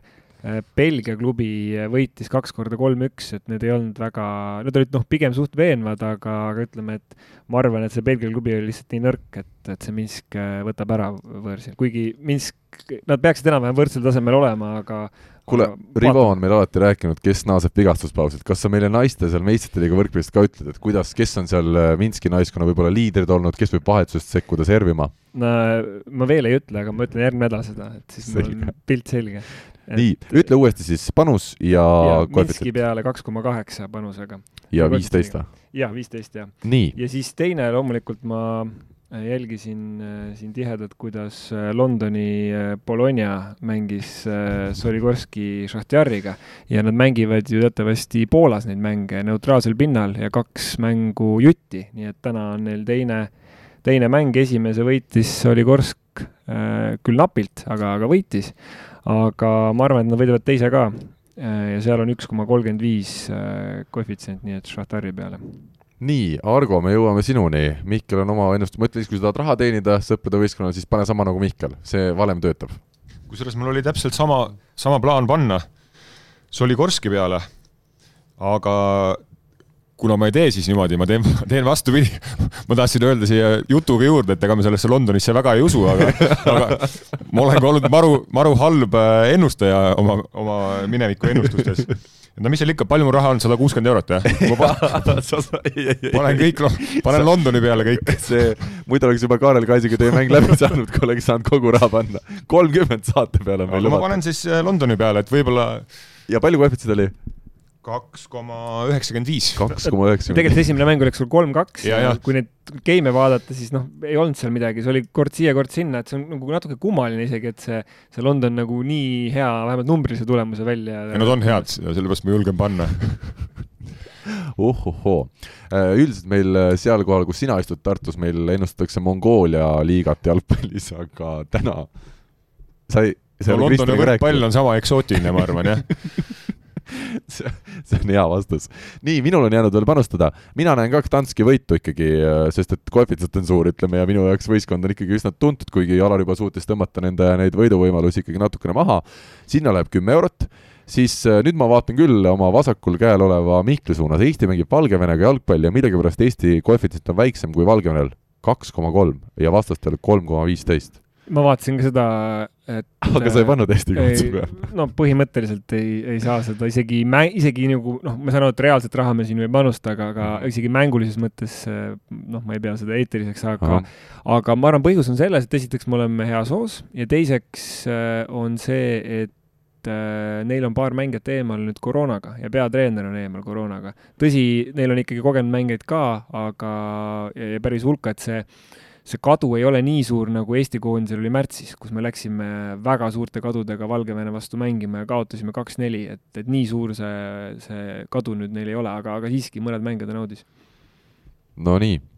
ma nüüd ei teagi, no paneme Eesti koondise peale solidaarsusest ja sellest, et, et on huvitavam jälgida, siis loodame, et Eesti võidab selle mängu, läheb viis eurot, rohkem ma ei julge sinna ära panna ja ma näen, et Venemaa võidab jalgpallis Slovakkiat, paneme sinna siis viisteist eurot, koefitsient on üks koma kaheksakümmend kaks seal. ei ole ju väga möödapanus, Venemaa kodus võiks ju Slovakkiat võita ikkagi. võiks. Väga hea, näed, jälle spetsialist kinnitab, mul on ka kohe rahu südames, et järgmine nädal ma ei tule siia päris tühjade taskutega. kas ma saan aru, et Argo pani kogu äh, poti selle Londoni peale? kõik sada kuuskümmend. see on küll kõva, jah, kõva. See... ma jäin nagu teist panust ootama, et aga, aga jaa, tase, jaa. juhul, kui peaks täppi minema, siis äh, tõusen või tõuseme sõpradega, kus kohta? no ma... taevasse. taevasse on vähe öeldud, ma arvan, et kerkite veel kõrgemale, isegi ma arvan, Mart Naabri ja Alex Saaremaa löögikõrgus kokku ei ole nii, nii kõrgel siis kui sinu mm -hmm. tõus. selle kohta on üks äh, Eesti kultusfilmis lause, et ma kummardan teie meelekindluse ees. Nii, aga selle toreda sõnumiga, mis Mihkel Asja meile edastas, läheme edasi järgmise teema juurde.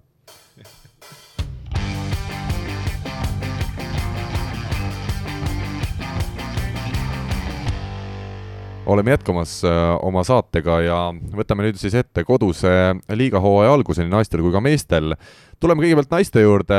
Mihkliga me kenasti reede õhtul seadsime siis sammud äh, Tallinna Ülikooli spordihoonesse ja vaatasime siis seda karika kaheksandikfinaalmängu, kus Tallinna Ülikool Kikas ehk siis Sten Esna hoolealused mängisid Hendrik Rikandi hoolealustega Tartus, Tartu Ülikool Bigbankiga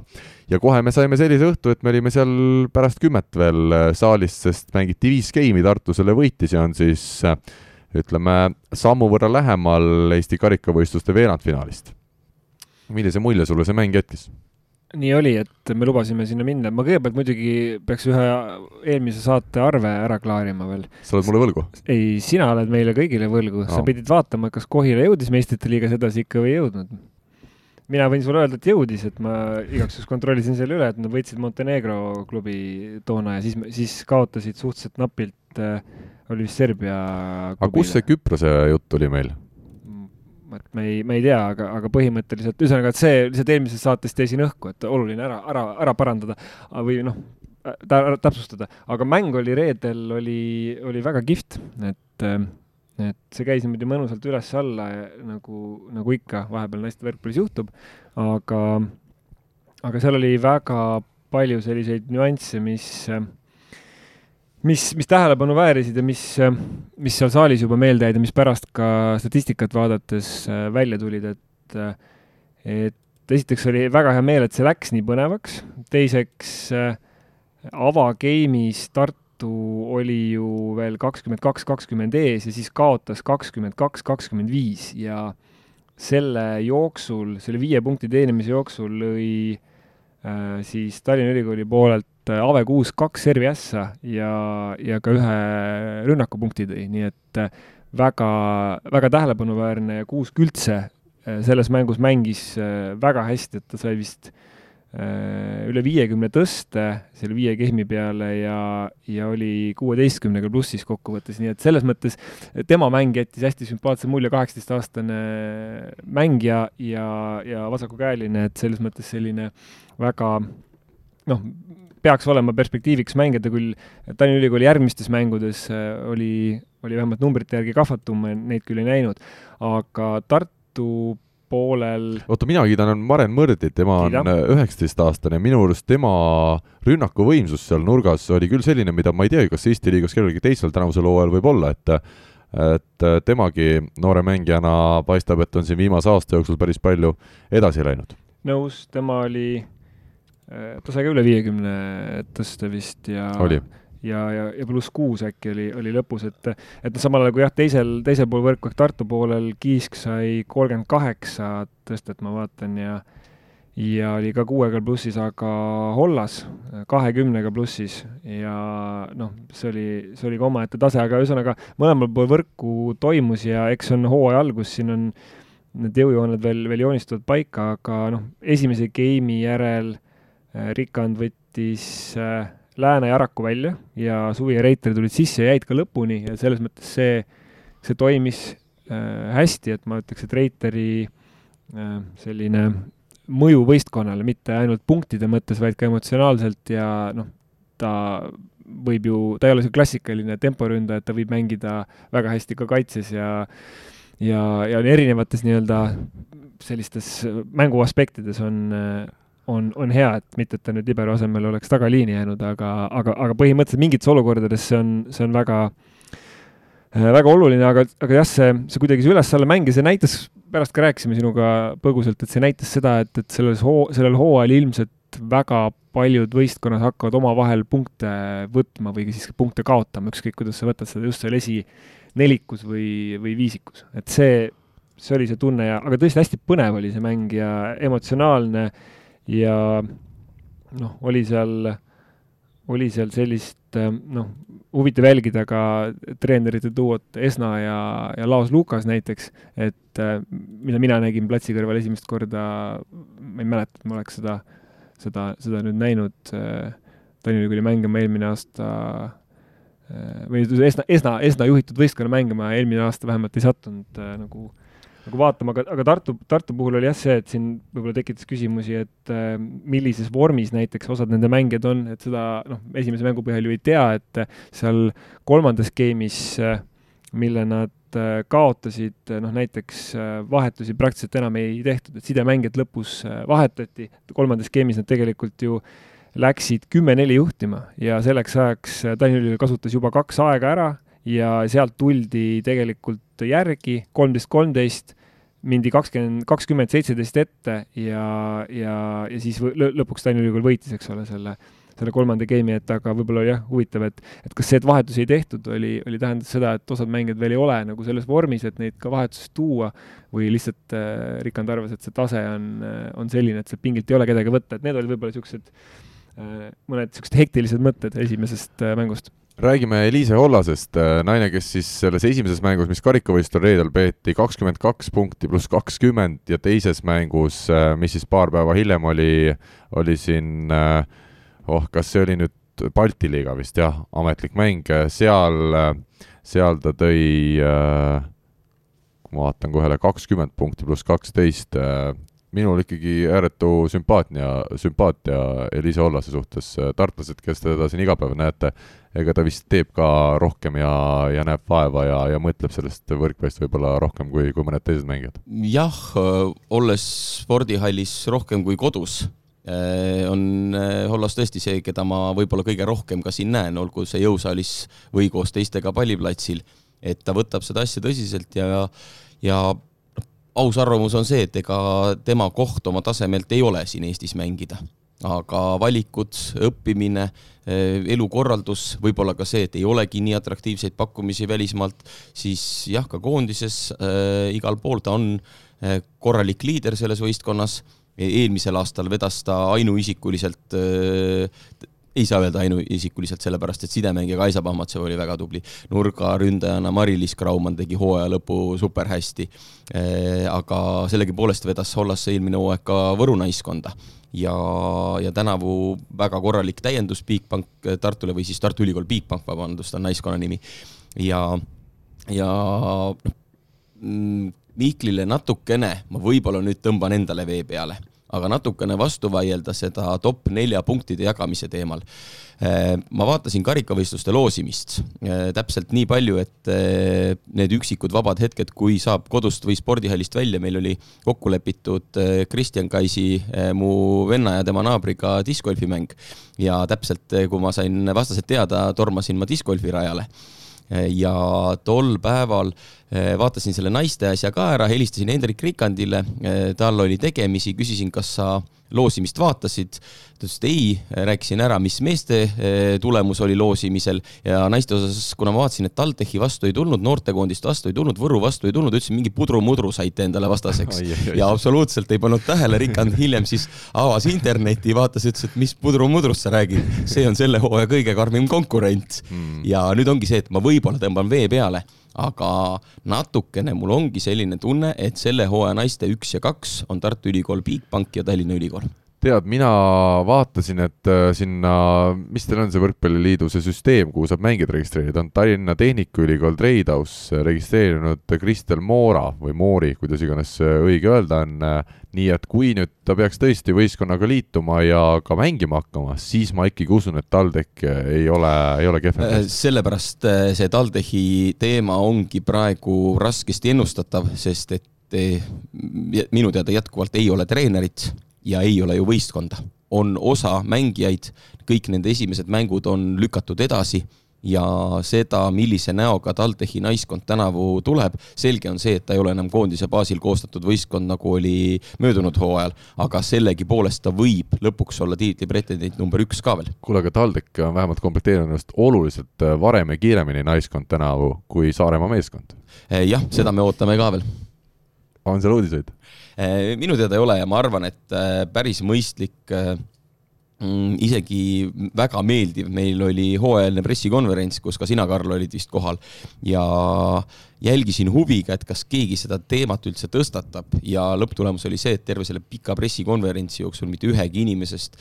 mitte ühegi inimese suust mitte kordagi ei tulnud isegi välja sõna Saaremaa, mis tähendab, et ei olegi mõtet torkida, on nagu ta on, meil on võistkonnad, kes mängivad ja on võistkonnad, kes mängisid äh, eelnevatel hooaegadel. et huvitav, kas TTÜ-ga läheb nüüd nagu samamoodi, et äh, ühel hetkel pole enam mõtet torkida, et ma loodan, et päris, päris nii ei lähe, et vähemalt nimi on välja käidud, nad mängivad, aga see on iseenesest muidugi noh, ei hakka mingisuguseid selliseid dramaatilisi sõnu kasutama, aga lihtsalt ma ütlen, et see on, noh, see mõjutab ju võistluste terviklikkust, see mõjutab äh, mängijaid, see mõjutab nagu kogu seda, kogu seda liigat, kui on olukord selline, nagu sa, Alar, kirjeldasid, kus tegelikult treenerit ei ole ja kus mänge lükatakse edasi. ja ma panen siia veel ühe sellise vaate juurde, mis on päris karm. naistel on tänavu väga palju mänge ja nad mängivad väga intensiivselt, seesama Tallinna Ülikool. Eh, pühapäeval mängiti Balti liigas eh, üks-kolm siis eh, Tartu Ülikool Bigbankaga, enne seda reedel viiegeimine mäng, siis laupäeval Võrus viiegeimine mäng. et see läheb nagu juba päris tippspordi valdkonda ja, ja kuidas vaesed naised sellisele tambile vastu peavad, pluss siis veel ühe naiskonna mängud edasi lükatud, et äh, meil ka ei ole lihtne, kui ma vaatan enda võistkonna näol, aga täpselt nii ongi, et kuni me püsime eurosarjas, on mängude graafik tihe, isegi väga tihe, meil on ju hunnik võistkondi, kes pole veel hooaega alustanudki suurem osa võistkondi, kes pole veel hooaega alustanudki tänaseks. ja meil on juba siin nüüd viimase kaheksa päeva jooksul oli ju kolm mängu, sealhulgas äh, reis Šveitsi. et äh, see on karm, see on koormav ja naiste puhul äh, täpselt sama teema, et me hakkame üllatustulemusi, ma arvan, nägema rohkem selles valguses isegi, et kas kõik on kohal ja kas kõik on terved ja kas kõik on vormis ja kas kõik on värsked. selle koormuse kohta ma tahtsin kindlasti öelda, et noh, minu meelest see ei ole mõistlik mängida reedel, laupäeval, pühapäeval järjest. ma noh, ma vaatasin koosseisu, et, et treener on nagu varieerinud, aga samal ajal äh, on kui ma õigesti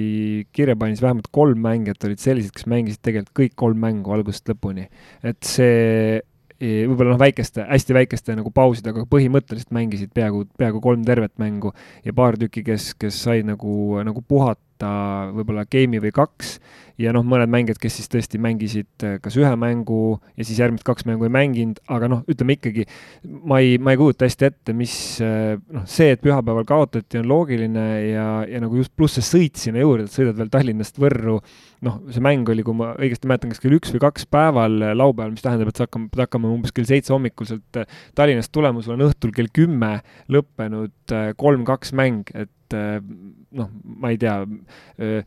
loogika ütleb, et okei okay,, kaks mängu nädalavahetusega, see, see tuleb ära kannatada, teist varianti nagu ei ole, aga ideaalis sa ju jätad kahe mängu vahele ikkagi äh, päeva-kaks äh, miinimum. Äh, ja nüüd mõeldes selle peale, et kas neil on värskust või ei ole värskust, kuna me tegime pühapäeva hommikul trenni, meil oli õhtul mäng Selveriga, siis Tallinna Ülikooli naiskond oli enne meid ilusti saalis ja tegi pühapäeva õhtul lisaks veel ka trenni, nii et tundub, et seni seda värskust veel jagub Argo, ma küsin sinult kui ka ütleme noortetreenerit, seal Tallinna Ülikooli naiskonnas on ju päris palju noori Äh, kas Sten Esna pidanuks kõigile põhimängijatele andma mingil hetkel nende kolme päeva jooksul vahetust, et äh, jah, nad see kolm päeva ilmselt kannatasid ära, aga siin on ikkagi see vigastuse oht või ülekoormuse oht tõusva. samas ma saan aru, neil on iga mäng on ilmselt punktide arvel ja treener tahab mänge võita. no eks seal sõltub päris palju ka sellest omavahelisest suhtlusest ja ja, ja, ja ütleme, mängijate poolsest tagasisidest treenerile aga mängijad ei ütle ka alati ju kõike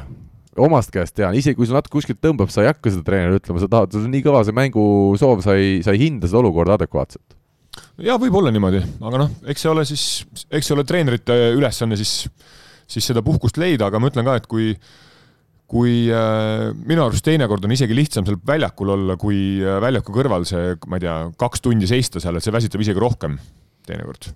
mina lihtsalt ütleks nagu põhimõttena, et siin oli isegi küsimus selles, palju treener varieerib, vaid põhimõttena, et kalender ei tohiks lubada sellist asja, et sul on kolm mängu, kolmel päeval järjest mäng. see, see on nagu põhimõte, et siin, no ma olen Argoga täiesti nõus, et mängule minek juba iseenesest on äh, ettevalmistus, see on väsitav ja see on ka vaimselt väsitav, et lihtsalt see kalender peaks olema teistmoodi planeeritud, ma ei tea muidugi, mis ise lepivad kokku minu arust. jaa, aga ma nüüd äh, täpsustaks, küsiks Argo käest ka võib-olla, et eh, Tallinna Ülikoolis on ju noorteklasside mängijaid ka ja siin on Tartus tulemas eh, kohe-kohe U kakskümmend eh, finaalvõistlused, ehk siis kui me sellest koormusest räägime, pane need Tallinna Ülikooli eest mängitud mängud ja pane nüüd veel noortemängud juurde, siis kipub juba asi tibakriitiliseks. no ega mul endalgi on need valikud, et ongi, tuleb U kakskümmend, siis noortega mängid esiliigat ja, ja võtame osa ka Tartumaa meistrivõistlused, et, noh, et sa reaalselt peadki kuskil nagu järeleandmisi tegema, et lasedki noortel mängida ja neelad alla selle noh, ütleme siis eeldatava kaotuse, et ei olegi midagi teha jah, et need valikud on vaja teha ja aga samas on samas tuleb nagu noorte üle ka nagu rõõmu tunda, et, et, et on piisavalt mänge, mitte ainult ei treenita, nagu siin vahepeal oli, et noh, loomulikult see vigastusoht on suur, aga samas äh, see niisugune mõnusalt suur mängude hulk tuleb, tuleb teistpidi ka kasuks, et noh, kindlasti tulebki,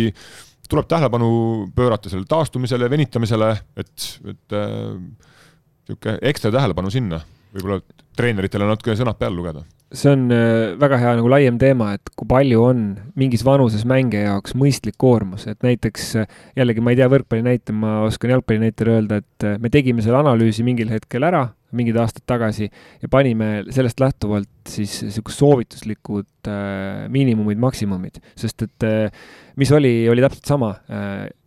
nii-öelda omas vanuses väga heal tasemel mängija, mängis noortekoondises, mängis äh, oma äh, klubi eest noorteklassi ja mängis oma klubi eest ka täiskasvanuid, põhimõtteliselt kolme Äh, ja võib-olla noh, karikavõistluste juurde, et seal see mängude arv läks äh, mõnedel juhtudel kosmiliseks ja, ja siis tuli seda noh, natuke nagu nii-öelda nii hea kui, kui kurjaga nagu reguleerida selleks, et, et noh, mitte tekitada, jällegi see ei tulegi kohe välja, seal ühe aasta kannatab see noor ära, aga kas ta pärast äh, oma spordialale jääb truuks, et see on küsimus. võrkpallist on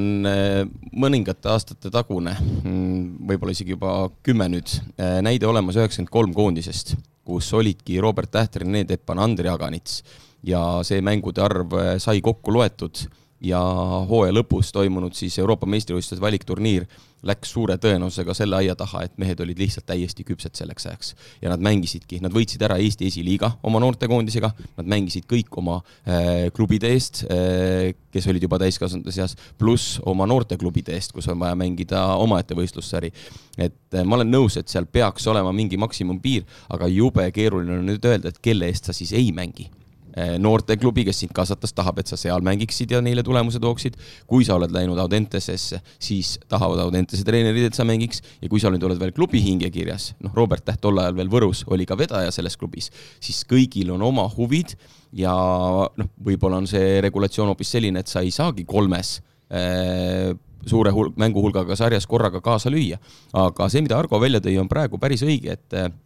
et ma arvan, et nälg on olemas noortel sest et äh, möödunud kaks hooaega tänu koroonale meil on ju pigem ei olegi saanud mängida mhm. ja, ja see üks aasta natukene riskantne nüüd pärast seda nälga ja siis ainult treenimist äh, nüüd üle tõmmata, et äh, täiesti reaalsed riskid on ohus naiste teema lõpetuseks, kuna meil on teemasid veel, siis peame vaikselt siin kokku võtma kogu asja. Audentes äh, spordigümnaasium noortekoondis Andrei Ojametsa juhendamisel siis näitas, et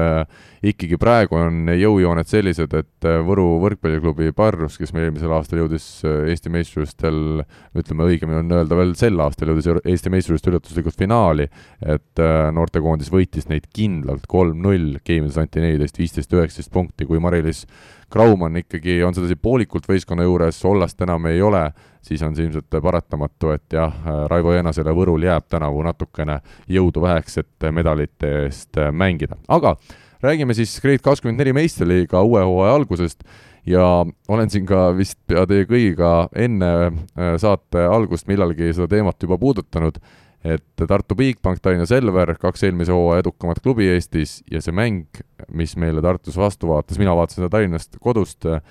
oli ikkagi ütleme otse välja, et see oli kole, on arusaadav ka põhjustest natuke, Selveril seal kaks põhilist nurgaründajat, kes üldse peakski võistkonda vedama, Pierce Johnson ja Oliver Orav olid vigastusega eemal, aga,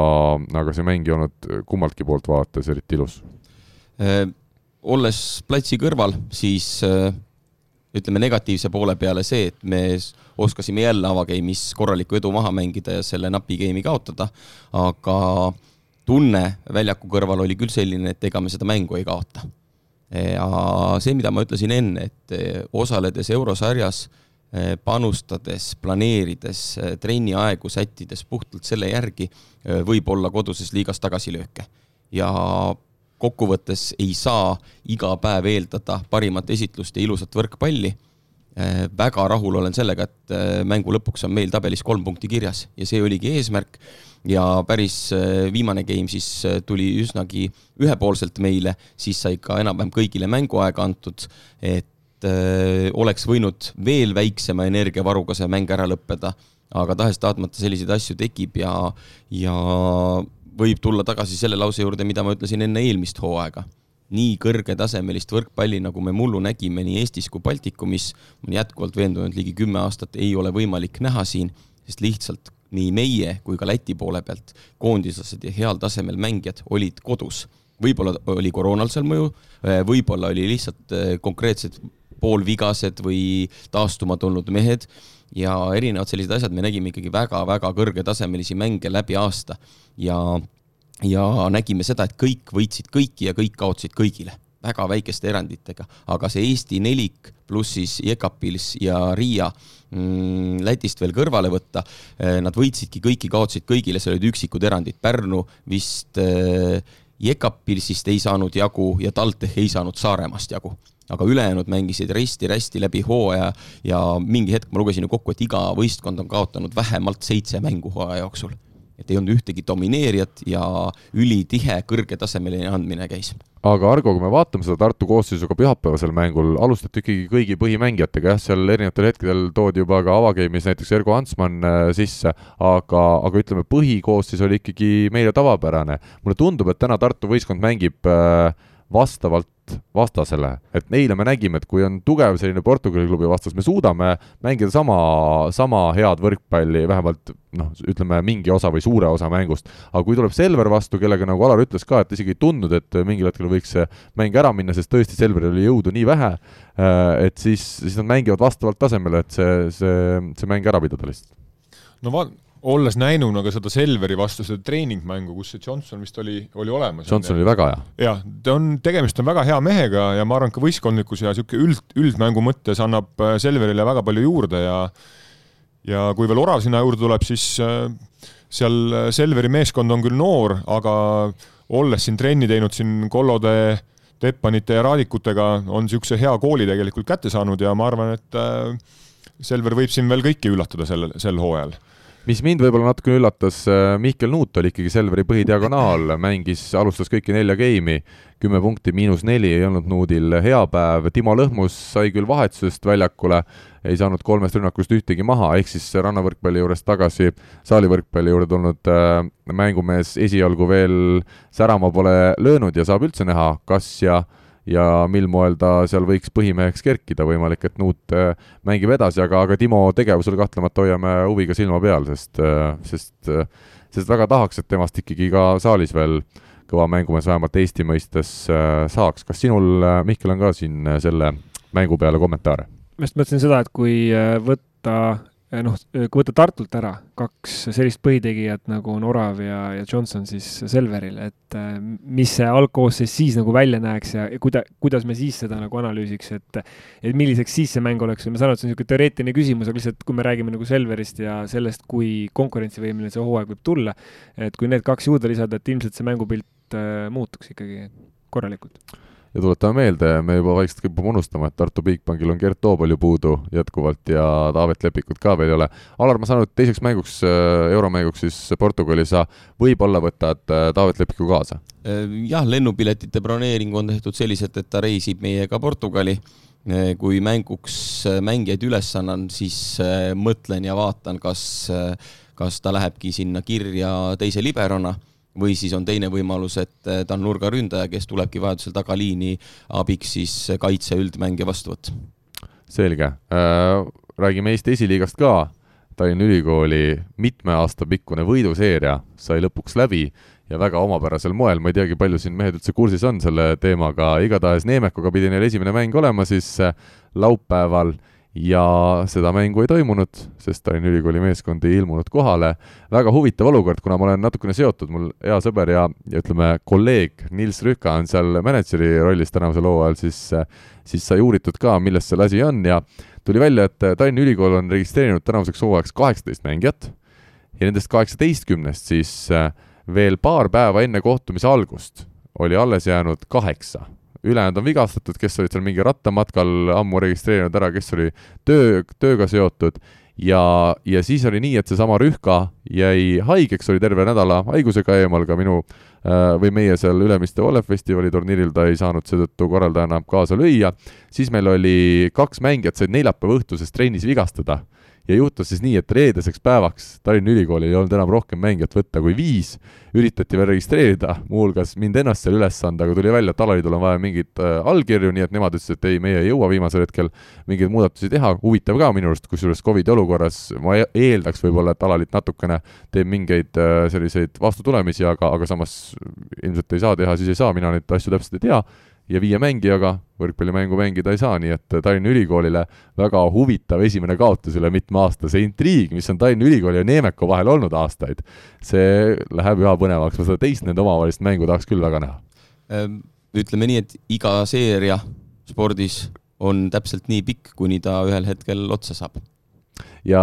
eks ütleme, Tallinna Ülikool ise peab ka natukene vaatama peeglisse, sest Neemekot, keda on siin loputatud eelnevatel aastatel, päris ütleme, üleolevalt on ka mingid äh, kommentaarid nende suhtes olnud, et eks nüüd kuidagi tuli siis äh, tagasi see, et, et Neemek ei olnud nõus ka äh, enam mängu edasi lükkama, aga jah, vahelduseks siis infot ka Eesti esiliigast. Siim Põlluäär kuuldavasti siis üks vigastatud mängijatest muuhulgas seal Tallinna Ülikoolis, nii et kes tahab Siimu veel ikkagi mängimas näha, Saaremaa võrkpalliklubi me enam mängimas ei näe, aga kes tahab ikkagi saarlasi veel mängimas näha, siis üks võimalus on minna Tallinna Ülikooli mänge sel aastal vaatama. Läheme edasi ja võtame siis ette tänase saate viimase teema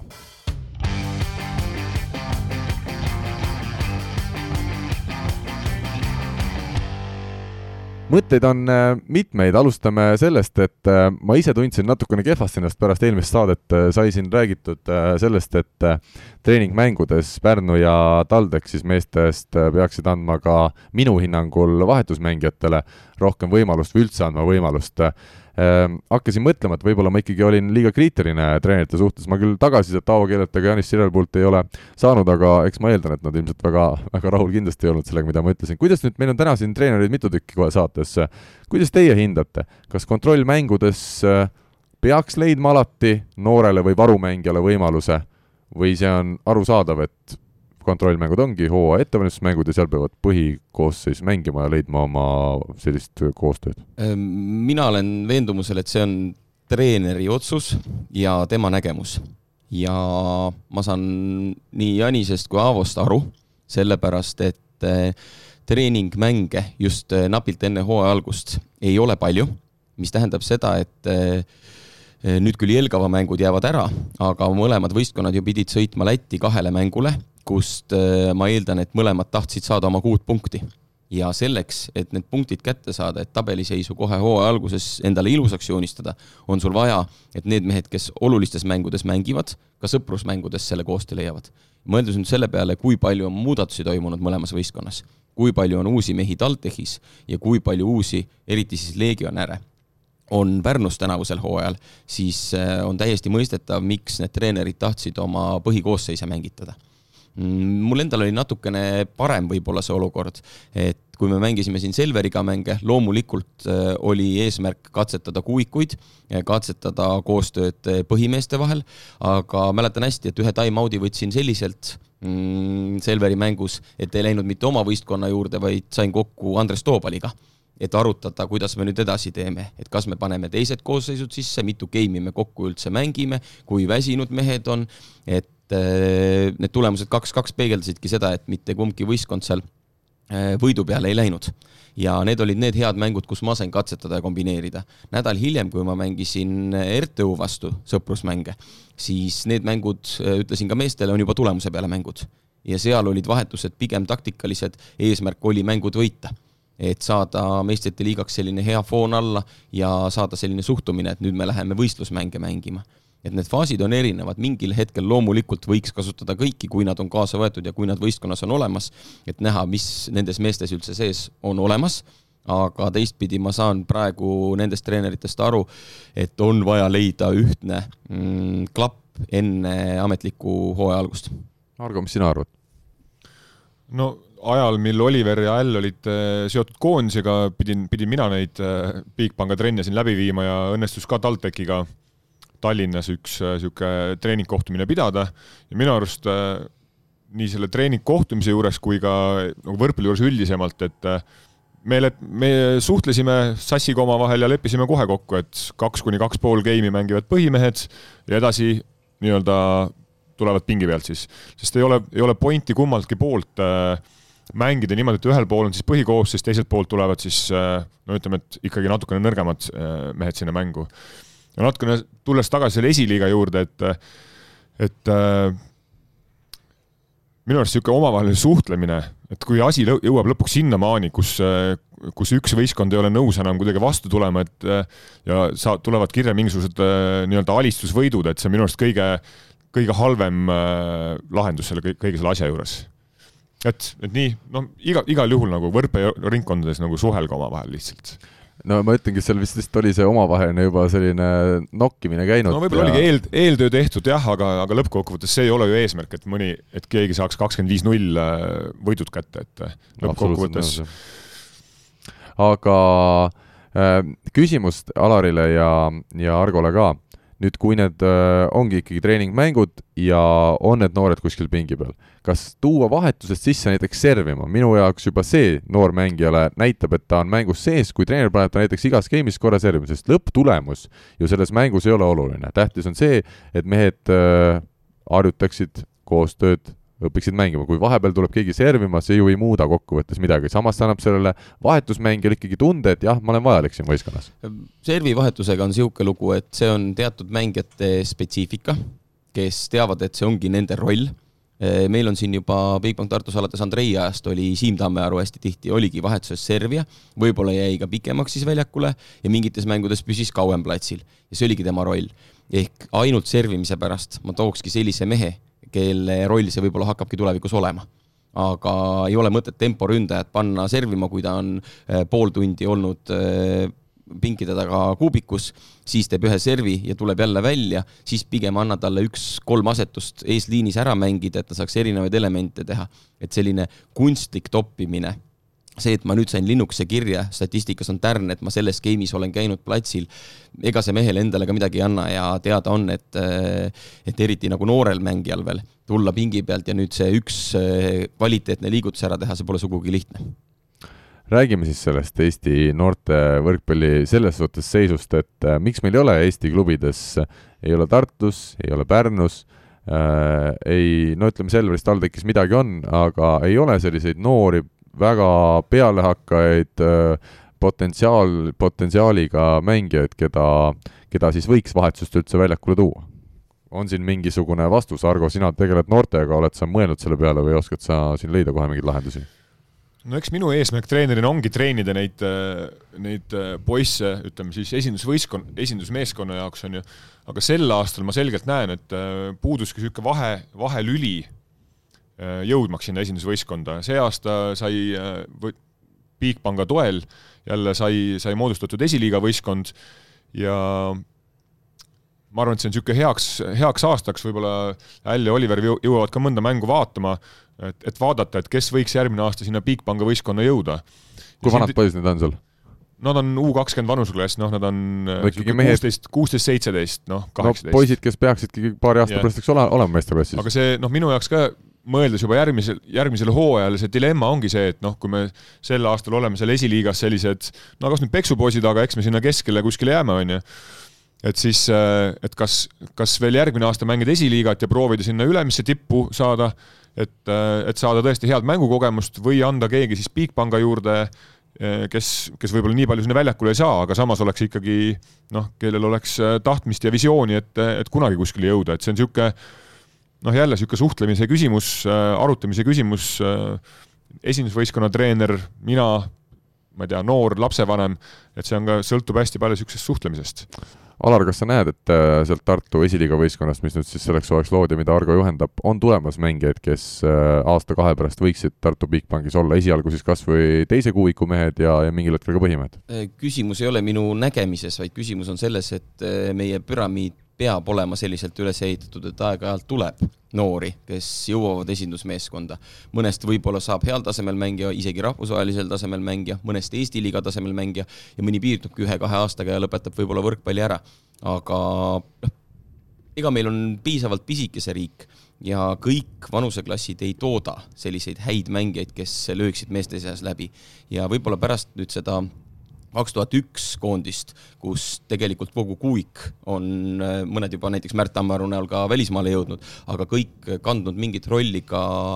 meistriliiga võistkondades. loeme ette ka, sest siis on kuulajale no, huvitavam, Timo Lõhmus oli. Timo Lõhmus, Märt Tammearu, äh, Toni Tammiksaar oli seal. Allar Keskkülla oli seal. Allar Keskkülla oli samas võistkonnas, nüüd temporündajatest üks oli pärnakas Rahuoja, kes ma ei tea, kas on lõpetanud või mitte, igal juhul kahju, et ta on kadunud, sellepärast et seal ma nägin ka potentsiaali, seal oli väga korralik kuik ja veel paar vahetusmeest, kes on meistriliigas platsil olnud. Mark Saru oli seal äkki või? jah Mark Saru vist on küll aasta noorem teistest. et see oli selline korralik, neid korralikke vanuseid tuleb, üheksakümmend kolm, siis oli üheksakümmend seitse, tegelikult vahepeal ka üheksakümmend viis sünniaasta oravad allikud ja ja seal oli ka terve koosseisu jagu, kes jõudis meistriliigasse välja. nüüd võib-olla väike selline auk ongi see kaks tuhat kolm, kaks tuhat neli sünniaasta ja ma arvan, et kui hakkavad pead kandma kaks tuhat viis ja nooremad, siis eh, sealt tuleb jälle järgmine generatsioon, kes jõuab välja ka meistriliiga tasemele. nii et neid mängijaid ikkagi tuleb peale? Eh, peab tulema, sellepärast et vastasel juhul ega me ei hakka siin pensionäride liigat mängima ja no aga kuule, vaata Benfica võistkonda, mulle tundub, et see on edu võib-olla valem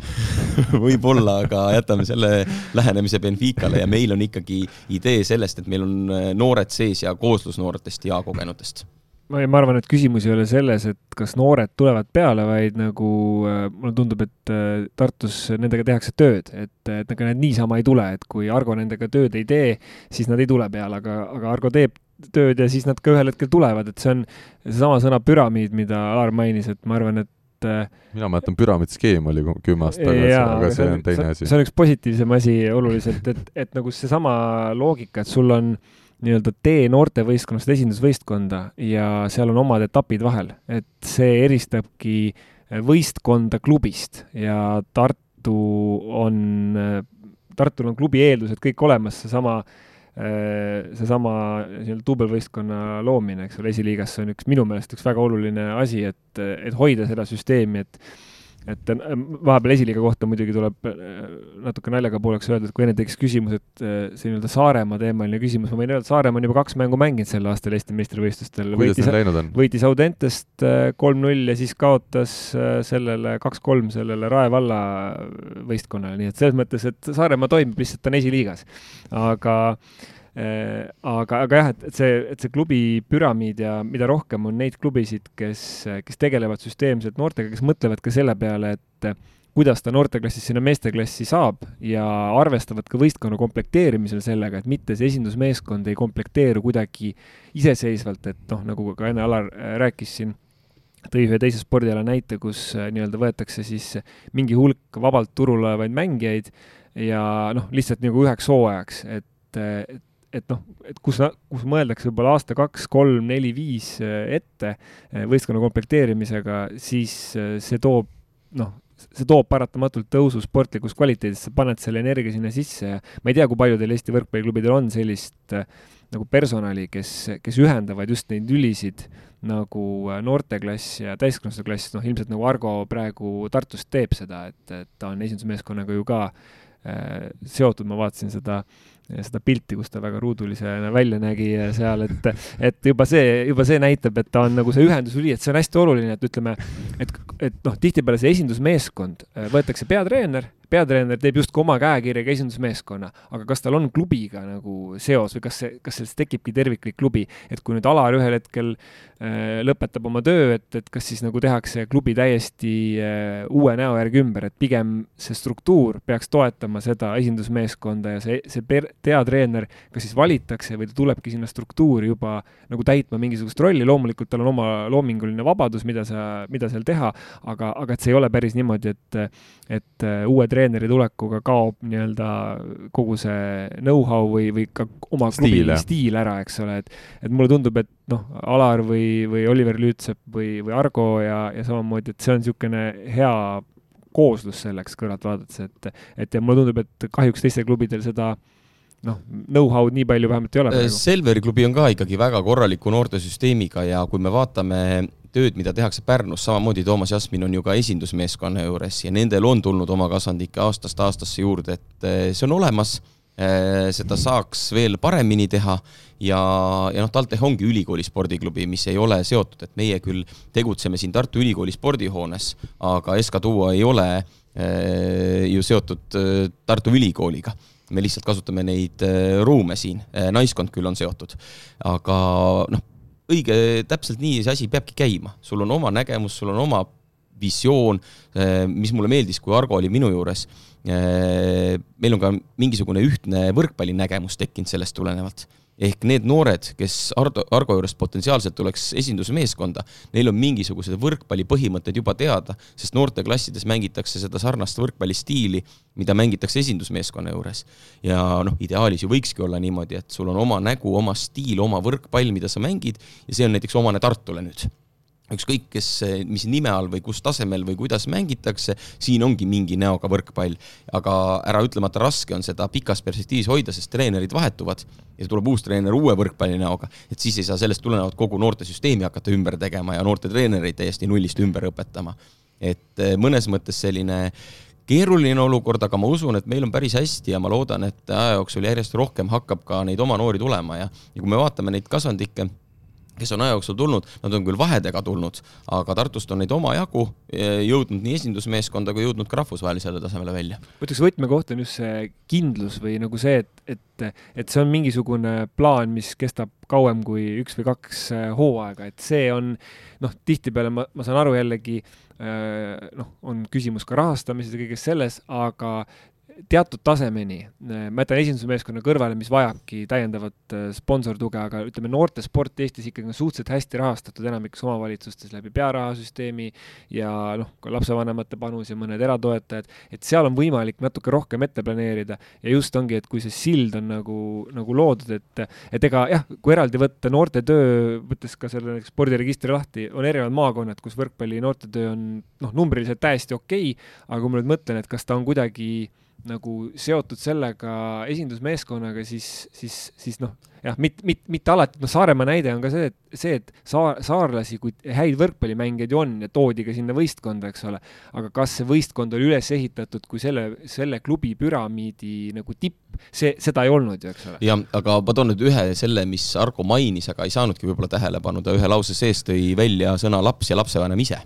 ja tegelikult väga oluline, kui nüüd noor tuleb esindusvõistkonda noor käib koolis, meil on kaksteist, kolmteist trenni nädalas,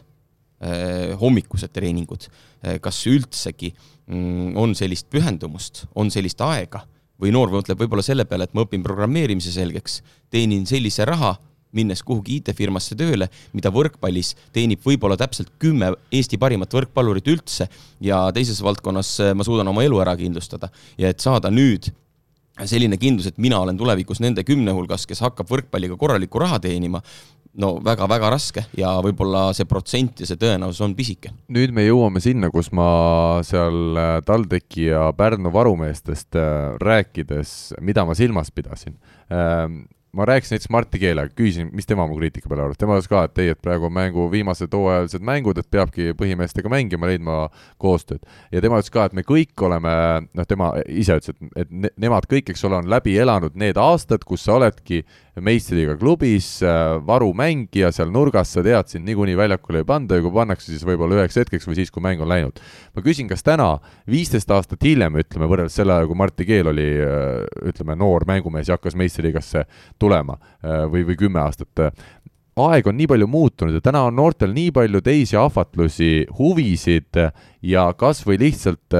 Instagramis istumise aega vaja et, äh, et me peamegi teistmoodi suhtuma nendesse noortesse ja hoidma neid kõiki, motiveerima neid, sest see motivatsioon ei ole neil iseenesest enam kaasas, et nende ainus soov on saada võrkpalluriks. Argo, kas sina noortetreenerina tunnetad seda, et me peame kõiki neid noori ikkagi väga hästi, peab treener läbi mõtlema, mida, kuidas temaga teha, mida öelda talle, et ta püsiks võrkpalli juures, et ta oleks sellest võrkpallist jätkuvalt vaimustuses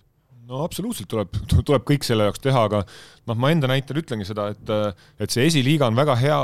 hea võimalus praegu meie jaoks. et kuna see noorte punt on koos, et need, kes ikkagi vähegi sellest spordist huvitatud on, nad saavad ka mängida, mitte nad ei lähe lihtsalt pingi otsa peale istuma ja nina nokkima sinna, noh. laias laastus ma võin sinna võrdusmärgi panna selle nina nokkimisega, et võib-olla ongi, pane telefon kätte, siis ta istuks samamoodi seal, on ju. et tegelikult äh, kunagi see näite, kus noh, Nõmsalu ja, ja see seltskond said ka oma, oma, oma pundiga mängida esiliigat ja lõpuks võitsid esiliiga ära. ja sealt tegelikult tuli päris mitmed mängijad, kes äh, tulid meistriliigasse, nad olid äh, eelmised hooajad kõik mänginud ja olid meistriliigas kohe tegijad tegelikult, mitte nad ei alustanud sealt kuskilt pingi otsa pealt mm.. võib-olla niisugune läbimõeldud äh, loogiline püramiid just selles mõttes ka, et, et need noored saavadki kogu aeg mängida. ja noh, tulles natuke tagasi selle, selle, ütleme natuke selle endise teema juurde, et et äh, meie klubis on ka tegelikult äh, mõned aastad sellised, kus on äh, no ütleme, niisugune kuus-seitse aastat tagasi, kus on niisugune pausid vahele jäänud. et kui, kui noored lõpetavad meie klubi ja aastas lõpetab klubi kuidas ma ütlen, noortesüsteemi kolm poissi, et siis on ka hästi raske loota seda, et sinna meestesse jõuavad nüüd, ma ei tea, tohutult mängijaid ja see on, see on hästi pika vinnaga, kus ma, kus ma nüüd näen tegelikult, et olles ise nüüd mingi seitse või kaheksa aastat treener olnud või, et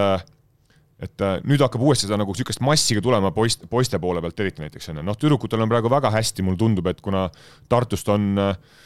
kaks meistriliiga võistkonda ja üks esiliiga võistkond vist, et, et niisugune kui seda massi on piisavalt palju, siis jõuab kindlasti ka sinna naiskonda neid häid mängijaid ja häid kujusid. Et äh, ja mis mulle veel kõrva jäi, millest on õudselt kahju, tulles Saaremaa juurde, et need Saaremaa võrkpalliklubi juhid ütlesidki, et see noorte, noorte võrkpall, see ei ole meie asi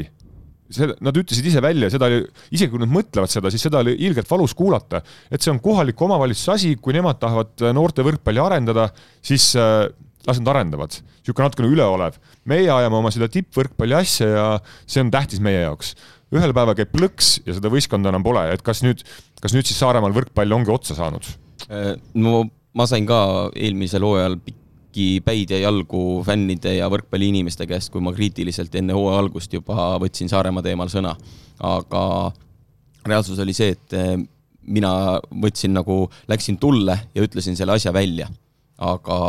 erinevate võrkpallitreenerite ja funktsionääridega rääkides kõik mainisid ühte asja, et see on projektipõhine ja ühe toetaja najal äh, tegevus ja selline tegevus ei ole jätkusuutlik pikaajaline ja noh, kahjuks tänaseks me nägime, et nii juhtuski. Aga kus siis Tartul vahepeal need poisid olid, miks neid ei tulnud enam? Või praegu te ütlete, et neid poisse kui tüdrukuid tuleb juurde, aga siis vahepeal tuli mingi lünk sisse, et ei olnud enam üldse treenereid, kes tõsiselt äh, tegeleks asjaga?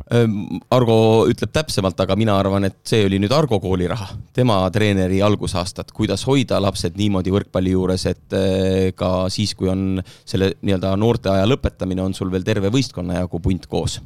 No see on, see on natuke niisugune musta töö tegemine, et äh, respekt Tallinnas Karol Baasile, kes on noh, kelle kohta on ka öeldud, et äh, viska aknast välja, tuleb uksest sisse või noh, või vastupidi, vahet ei ole, on ju. et tegelikult ega paljud inimesed ei näe seda, et kui palju tehakse niisugust musta tööd, käiakse koolides, tehakse mingeid promoüritusi, noh, hästi lihtne on ette heita, et noh, teil on nii vähe rahvast, on ju, aga sa peadki lihtsalt käima, kõige selle oma muu töö kõrvalt pead otsima, tegelema, rääkima, ma ei tea, asja ilusamaks rääkima, kui võib-olla, kui ta tegelikult on, et noh nende alustavate gruppidega ongi see ju, et äh, alguses käib neli-viis tükki, kui mingi punt juba koos käib, siis on lihtsam ka sinna juurde tulla. alguses pead suhtlema lapsevanematega, et ei, küll tulevad ja juba on tulemas ja juba astusid bussi pealt maha, onju, noh, eks sa pead siukest ilusat juttu ajama neile. aga selle jaoks, et see asi tööle läheks, selle jaoks on vaja kuskilt, kuskilt see algus teha, küll sinna hakkab siis äh,, hakkavad need lapsed ka juurde tulema. oled sa ise saanud selgeks, kuidas neid lapsi siis äh, tuua või, või kuidas see töö käib? Äh, jah, ma olen neid promoüritustel ja koolides päris palju nüüd käinud ja, ja noh, see võrkpallisuvi kaks tuhat kakskümmend üks oli selles mõttes hea näide, et noh, et ega sealt ei tule, isegi iga kümnes laps ei tule sealt trenni, aga kui ka iga kahekümnes laps tuleb, siis on juba hästi sealt tegelikult, et äh, miks lapsed ei tule, kui nad ütlevad, et äh, ma lihtsalt äh, ühe, ühe näite veel, et jah, me võiks kasutada niisuguseid erinevaid taktikaid selle jaoks, et et Tartus on sulgpallitreener Silliksaar, on ju, kes ma, nähes tema mooduseid nagu respekt, et nagu ta teeb kõik selle jaoks, et need lapsed tuleks sulgpalli mängima, lubab, räägib neile olümpiavõitjatest ja lubab šokolaade ja, ja limonaade ja kõiki asju, onju. see on nagu valimis. see on niisugune vanakooli, vanakooli värk ja võib-olla see töötabki. et noh mm., meie võib-olla ei olegi, ei olegi harjunud niisuguse nagu nii jõuliselt peale lendama või selliste vahenditega neid lapsi sinna, sinna võrkpalli juurde saama, aga, aga see on ka üks tee kindlasti et ta on nii kirglikult selle oma ala fänn, et ta, ta teeb kõik selle jaoks, et need lapsed saada sinna. no tegelikult ju seis ongi selline, et konkurents on tihe, spordialasid on väga palju ja meil on sellised äh, ülipopulaarsed spordialad,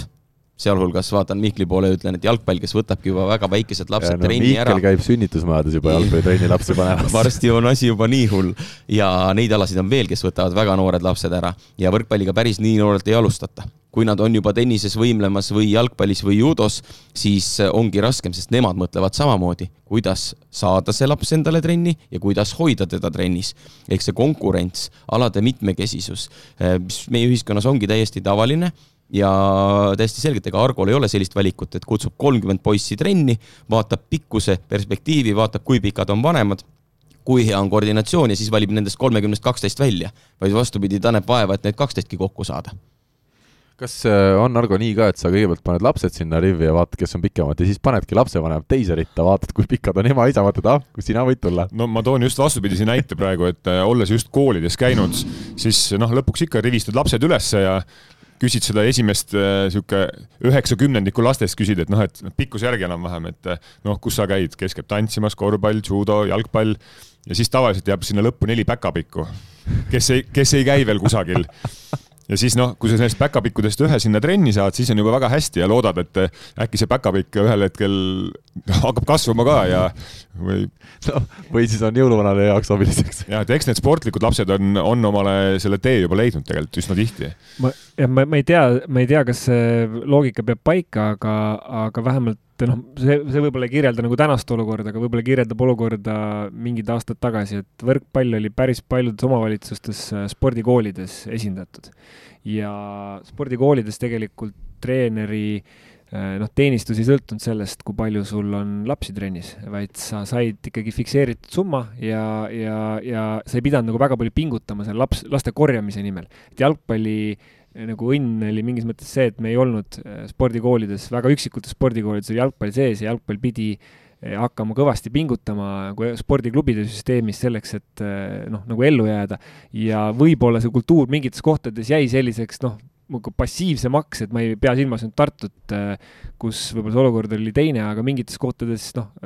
eriti treenerid, kes ka pikke, pikemat perioodi on tegutsenud, et nad on harjunud, et lapsed äh, tulevad nende juurde ja, ja see on nagu niisugune traditsiooniline valik, aga reaalsus on see, et, et kui sa seda promotööd ei tee pidevalt, see traditsiooniline valik hakkab ühel hetkel muutuma. et võib-olla noh, Võru on võib-olla siin äh, üks äh, hea näide, kus Võru Helios jalgpalliklubi tuli sisuliselt noh, nullkohast ja, ja on täna noh, kõige harrastatum spordiala seal, seal noorte hulgas, et, et kes on ka traditsiooniline olnud võrkpallikants ja ka ütleme, teiste selliste võib-olla osade individu-, individu-, individuaalalade kants, et, et jällegi ähm, sealt kindlasti tuleb erinevate alade nagu tippe, see, see just see traditsioon on, ma arvan, see, mis väga palju ka kannab edasi, et kui sealt on tulnud, siis äh, viiakse ikkagi, et see ei kao kuskile ära, aga lihtsalt noh, nagu te mainisite mõlemad, see mass, eks ole, on see, mida on ka vaja, et see valik ja et saaks mängida, et oleks võib-olla kaks gruppi, mitte üks grupp ja noh, lõpuks ka spordiklubi jaoks, et ära, ennast ära elataks, sest et kui sul on, kui sul on trennis ma ei tea, kümme poissi ainult, siis või versus, et neid võiks kakskümmend olla, et, et noh, siis seal on finantsvahe ka päris suur. Et võib-olla see niisugune vale arusaam ka lihtinimese jaoks on see, et kui siin võrkpall jõudis mingil hetkel sinna EM-ile, et kõik hakkasid nagu uurima, et kas nüüd hakkab nagu niisugune laste sissevool või. et tihtipeale siis, kui see ala tõus on, siis võib-olla nagu lastakse võib-olla liiga see jalg sealt gaasipedaali pealt ära, et tegelikult tuleks siis veel rohkem, veel rohkem promoda, veel rohkem tööd teha, et võib-olla noh, ma ei, ei tahagi öelda, et keegi on nagu loorberitele puhkama jäänud, aga no see käib iga, iga spordialaga niimoodi, et teinekord mida raskem on, seda rohkem tehakse tööd ja seda, seda paremini mingi asi nagu siis käima läheb, et jah, see iseenesest ei taga ju sulle noori trennis uusi, et, et sa korraldad EM-finaalturniiri, et äh, seal võib tulla üks-kaks inimest, aga aga ikkagi ise peab need kuidagi need äh, lapsed sinna trenni tooma äh,. üks teema, mis mul on täna siin veel kirjas, enne, enne veel ma küsin ära, palju Argo oma poistega täna trenni teeb nädalas äh,? Nii U kakskümmend kui ka U kuusteist grupp teeb viis korda nädalas ja siis päris niisugused mudilased teevad kolm korda nädalas. ehk siis põhimõtteliselt maksimaalselt, et sul nädalavahetusel mängid ka veel? siin noh, iga, iga hooaja alguses käib niisugune klubisisene võitlus saali aegade pärast, et ma sel aastal ka nagu võitlesin päris agaralt, et saada kõigiga, kõigiga viis korda teha ikka, jah äh, ja noh, see on ikkagi piisav arv juba, et ma, ma mõtlesingi, et, et see arv ei ole mitte kolm-neli, vaid sa teed igapäevaselt äh, nii, et poisid äh,, see on sees, et et iga õhtu tuleb trenni teha? no hooajasiseselt ei ole, ei ole nagu mõeldav äh, nädalavahetusel teha väga, sest seal hakkavad noh, noortevõistlused, esiliiga, et seal tulevad juba mängud ka juurde, et mm. selge, aga meil tuli, ma ei tea, kas eelmine või ülemine nädal oli Laur Nurkse kohta tuli üks küsimus, Mihkel teda hästi teab, tegu on siis spordi äh, psühholoogiga ja mina kuulasin selle huvitava saate ära, mida meil palus hea kuulaja siis ka kuulata ja see oli, see oli pikk ja põhjalik äh, vestlus ja kindlasti me võib-olla võtame teinekord selle teema ette ja kutsume kas või Lauri enda saatesse. aga üks asi, millest siin täna saate lõpetuseks tahaks rääkida äh,, Laur mainis seda, et Eesti, nagu meil on täna ka vist kuskilt läbi käinud, et Eesti on nii väike, et meil ei ole piisavalt äh, materjali, et, äh, et võidelda tippudega. tema ütles üks asi, mis on kõige suurem erinevus Eesti, ütleme, koondise sportlaste ja tippkoondiste sportlaste vahel on see, et meil ei ole just seda eneseusku et äh, me võtamegi nii, me oleme lapsest saati kasvatatud eestlased nii, et me olemegi väike ja väeti ja need suured ja tugevad on neist niikuinii paremad ja no vaatame, kuidas läheb. ma parafraseerin siin ühte jalgpalliinimest, kes on, kes on kirjeldanud selle selliselt, et et tuvi, lennuvõime siis nagu füsioloogilises mõttes on väga piiri peal, et kas ta tõuseb õhku või ei tõuse. et kui tuvi teaks, et ta lennuvõime on nagu nii piiri peal, siis ta ei lendaks ilmselt, aga kuna tuvi seda ei tea, siis ta lendab. ja siin on nagu sama teema, ma ütleks, et, et kui meil oleks seda, ma ütleks, mingisugune rahvuslik eneseusk või enesekindlus mingitel aladel. et iseenesest see alade mitmekesisus mulle väga meeldib, et on väga palju alasid, mis Eestis tehakse ja ma arvan, et nii peakski olema, aga, aga e-, ja ehk siis nagu see, see materjali kasutamine, noh, klassikaline näide, mulle see iseenesest ei meeldi, kui keegi ütleb, et noh, vaadake Islandit. aga, aga vaatame siis, vaatame Sloveeniat, Islandit, väikseid riike, kus ollakse edukad võistkonnaaladel, kus on tegelikult konkurents väga tihe ja kus on vaja tippu jõudmiseks, noh, ikkagi seda materjali päris kõvasti kasutada või noh, et, et siin pigem nagu ma ei, ma ei tea, ma ei arva, et küsimus on, kunagi Erki Nool ütles, ma mäletan ühes oma, või kirjutas ühes oma kolumnis, et, et umbes, et et iga nädal läheb või iga aasta läheb äh, trenni mõni Ronaldo või Messi an-, andega materjal, aga treener teeb tast ikka TVMK tasemel mängija. et, et kunagi nüüd ei ole isegi TVMK-d enam. nüüd isegi TVMK-d enam ei ole, et kunagi Erki Nool niisugust asja ütles, et ma ei ütle nüüd, et noh, kõik on umbes treenerites kinni, aga, aga nagu printsiibina ma arvan küll, et äh, küsimus ei ole ju nagu materjalis, vaid siin enne väga hästi minu arust räägiti samast motiivist, et kus see, mis see perspektiiv on, et see eduelamus ka noorel põlvkonnal on võib-olla tähtsam kui kui äh, nõks vanemal põlvkonnal ja, ja see kontsentreeritus kaob ära, et see on hästi kompleksne teema, aga ma arvan, et see algab mingisugusest sellisest Äh, üldisest teema, noh, seesama nagu kui meestekoondis jõudis äh, võrkpallis või naistekoondis jõudis EM-ile, siis me teame, et me võime seda teha järgmine kord ja me lähme teemegi seda järgmine kord ja see ei ole enam küsimus, kas me oleme piisavalt head, et me seda, seda teeme. kuni selle hetkeni, kui esimest korda jõuti, siis oli küsimus, noh, ma ei tea, et kas me ikka oleme nagu seal Euroopa, äh, tol hetkel oli vist kuusteist tugevamat, eks ole, praegu on kakskümmend neli, et kas me oleme seal Euroopa kuueteistkümne tugevam hulgas. no kurat, oleme ja nagu see on hiljem ei ole enam küsimust tekitanud, et väga palju on kinni selles eelhääles häälestuse psühholoogias. aga siin kohe kiire vastuargument sulle. Eesti naiskond kindlasti ei olnud nii äh, enesekindel endas enne seda eelmist EM-finaalturniiri, kus nad lõpuks pääsesid EM-ile võrreldes sellega, kuidas olid nad nüüd, mil nad põrusid kevadel ja EM-ile ei pääsenud, et nüüd nad olid ju selgelt enesekindlamad, ometi tulemus on vastupidine no,. jah, ma arvan, see on üks näide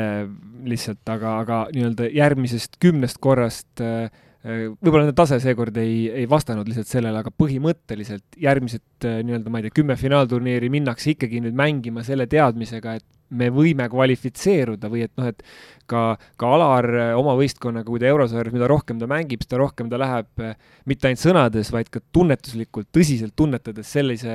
noh, häälestusega mängima, et jah, me võimegi edasi minna ka selle Portugali klubi vastu, võimegi nendega mängida. et võib-olla eile äh, oli saalis inimesi või ka väljakul võib-olla, kes võib-olla ei uskunud seda nagu noh, niimoodi kütad ennast küll üles, et davai, lähme teeme, aga tegelikult võib-olla sa veel ei usu seda päriselt või sest sa pole kogenud seda. aga järgmine aasta, kui nad sellesama Portugali klubiga mängivad, siis nad mängivad juba grammi võrra paremini, sest nad teavad, et nagu sealt, sealt annab võtta. Äh, sisemine usk on päris tähtis ja see on koht, kus saab ennast ületada. Saab äh, üle oma varju hüpata. aga tulles nüüd selle küsimuse alguse juurde tagasi, äh, võrkpalli ja võib-olla üldse pallimängualade puhul, me alustasime saadet sellest, kui me rääkisime brasiillastest äh, või siis lõunamaalastest, kes naudivad, kes on emotsionaalsed, positiivselt emotsionaalselt laetud ja tõesti, kelle jalg ka pingil istudes lööb mingisugust muusikarütmi kaasa. meile seda ei ole antud minu nägemus, et jõuda Eestis, eriti just võistkonnaalades tippu, mis on meie eelised? esimene asi, kõik, mis on kaelast ülevalpool, ehk eestlane peab mängima ükskõik mis spordiala tehes, ta peab olema tark. ja teine asi on süstematiseeritus, sest et noh, nimetame kas või seda selleks saksa kooliks, vaadates ajalukku tagasi, ehk eh, on täiesti selgelt paigas süsteemne reeglistik, mille alusel võib-olla suudetakse üllatada või sealjuures ka alistada neid vabalt võtvaid lõunamaalasi, kellel on teistsugused tugevused. ehk me peamegi oma tugevustel rõhuma ja siis me võimegi väga kõrgele välja jõuda. Ma sõnastaks selle, eh, noh, me oleme, ütleme jalgpallis näiteks loonud sellist nagu oma noortekoondise identiteeti või Eesti mängija DNA-d nii-öelda, me oleme nimetanud seda, siis sõnastamine ongi olnud selline, et me peame olema distsiplineeritud nagu ja töökad nagu skandinaavlased või sakslased, loomingulised nagu slaavlased või aga, ja siis lõpuks targad nagu eestlased, et, et see on selline noh, nagu tee tipp, et põhimõtteliselt eks me riigina ju ka toimetame selliselt, et see sport ei seisa kuidagi eraldi sellest muust äh, riigist, et ma ei tea, mõtleme uusi lahendusi välja, et oma väiksuses me ei saa rõhuda, et meil on nüüd mass ja me noh, küll massi pealt ikka tuleb, eks ole, pigem on see, et kuidas me kasutame võimalikult targalt oma ressurssi ära ja teine asi selle, selle nii-öelda äh, sise, sisekõne või psühholoogia tähtsusest, et Äh, Leo Kunnas ütles kunagi, ma mäletan ühes saates, et ta tõi siis nagu sõja võrdluse, et kuidas sõjas propaganda äh, tähendus, ta ütles, ma ei mäleta, mis see number oli, ta ütles, et kas mingi kolmekümne tuhande või neljakümne tuhande mehe jagu on see väärtus nagu tema kui siis pika, pikaaegse kaitseväelase, ma ei tea, kas see oli hinnang või see oli mingisugune noh, ma ei tea, uuring, ehk siis noh, nii-öelda lahinguväljal see häälestus, kuidas sa lähed ja mille nimel sa lähed sinna võitlema ja noh, noh, me räägimegi siin Eesti kontekstis heidutusest nagu, et, et, et ka see või noh, ka seesama, mis, mis äh, nii-öelda, millal räägitakse avalikus ruumis, milline hoiak on avalikus ruumis näiteks, ma ei tea, riigikaitsele või näiteks sellele, et, et noh, palju, palju inimesed ümber usuvad, sest noh, ega sportlased on, ega nad kuskil äh, nagu kapslis ei ela, et nad kõik ju loevad seda, mis kirjutatakse netikommentaarides, nad loevad seda, mis ajakirjandus kirjutab, et kui sealt üldine foon on selline, et noh, meie omad on noh, Eesti värk on ju, et saame tead niikuinii on ju tead nii ja naa, siis see kandub paratamatult nagu üle, aga kui selline üldine häälestatus on nagu natuke teine, et see natuke seotud kultuuri ja kõige muuga, ma ei ütle, et peaks nagu kriitikavabalt ja peaks toetama kinnisilmi nagu, aga, aga noh, see mingi üldine foon ja noh, nagu Alar tõi, et brasiillastel on noh, ma arvan, et jalgpallis samamoodi, võrkpallis ka, et see on juba kvaliteedimärk, et sul on prass, järelikult oskab. kui sa paned eestlase ja brasiillase kõrvuti, siis noh, kõik võtavad Brasiiliasse, kuigi see eestlane võib olla nagu isegi parem, sest noh, lihtsalt kaubamärk on selline, on ju, et see ongi see eneseusk. meie kaubamärk, mis on minu teada võrkpalli osas ja mis on väga positiivne kaubamärk, eestlasele pannakse külge silt töökas ja see on ääretult oluline ja seda tulebki noh, väga hoida, sellepärast et on treenereid, kes tahavad teha tööd ja valivadki mängijad, kes on nõus tegema tööd. Ja see töökuse hinnasilt on see positiivne, aga ma võtan veel ühe eh, sellise sõna eh, Karli teema sissejuhatusest, ehk siis saavutusvajadus. Ja natukene tänapäeva ühiskonnas võrkpalli kogu spordi osas on keeruline see, et kahekümneaastane noor arvab, et ta peab olema juba midagi elus saavutanud. Oled sa tiktokker, Youtuber või mis iganes, on võimalusi, et sa oled kahekümneaastaseks saades elus midagi saavutanud. sest sõbrad on, eks ole. täpselt, ja sul on ümberringi nii palju inimesi, sa lähed IT-firmasse, sa ostad endale juba kesklinna korteri ja sul on elus midagi olulist saavutatud ja teine mees istub võrkpallimängu ajal pingil loodab oma võimalust kahekümneaastasena, et üldse saada platsile ja siis küsitakse, aga mida sina oled saavutanud? ah, ma käin iga päev trennis ja ma proovin paremaks saada, aga see pole saavutus, mida ette näita. ja sedasama kannatlikkust väga keeruline, sellepärast et me ei ole nii kiire arenguga, meil ei tule kuueteistaastased, kes löövad jalaga meistriliiga ukse äh, lahti ja hakkavad tegusid tegema. Neid tuleb korra kümne aasta jooksul. ja see kannatus nüüd, et oodata sinna kahekümnendate keskpaigani ja siis alles hakata seda asja heal tasemel teha, siis ongi see põhjus, miks äh, paljud loobuvad ja valivadki hoopis teise suuna elus jah, mõni kirjutab siin kahekümne aastaselt juba elulauraamatuid, eks ole, et, et mida on saavutanud ja noh, jalgpallis samamoodi, et see töökus on, on ka välismaal eestlase ikkagi selline töökus ja, ja kohati on seda ka lojaalsus ja selline distsiplineeritus, et see on see, millega ma arvan, Eesti sportlased laiemalt silma paistavad. aga kuidas siis ikkagi teha, mis teie ütlete, Alar ja Argo, kas äh, kas see nurkse lähenemine või ma saan aru, et see on üldse ju põhineb uuringutel ja, ja teadusel, et, et see, et sa pead ise kõigepealt uskuma meeletult endasse ja enda võimetesse, olenemata sellest, kes sul siis teisel pool võrku või teisel pool väljakut on, et kas te olete nõus sellega, et, et selles on palju kinni? no jälle ma toon natuke vanemat mängu ja ma toon mängu näiteks perekond Tammearu, et et peab olema ka nagu vanematel ja treeneritel noh, usku ja visiooni, et, et võtta ette julgeid samme. et kui ma Reene Tammearuga rääkisin, no ma ei tea, palju sellest nüüd aega möödas on ja, ja kuulsin tema mõttest, et et noh, et, et lapsevanemad mõtlevad juba kaasa seda, et mismoodi nad näevad perspektiivi, neil on julgust, et nad nägid paremat võimalust Tartus, paremat arenguvõimalust, paremaid treenimise võimalusi ja nad julgevad selle sammu teha, siis äh, võib-olla ongi natukene noh, roh-, veel kord jälle nagu rohkem suhtlust äh, noorte, vanemate, treenerite, et äh, need asjad ei jää teine, ei jää nagu võimaluste, kuidas ma ütlen, võimaluste taha või raha taha, vaid on, on vaja endale astuda julge samm ja, ja panna omale eesmärk. sest ma mäletan ka, kuidas Reene ütles, et,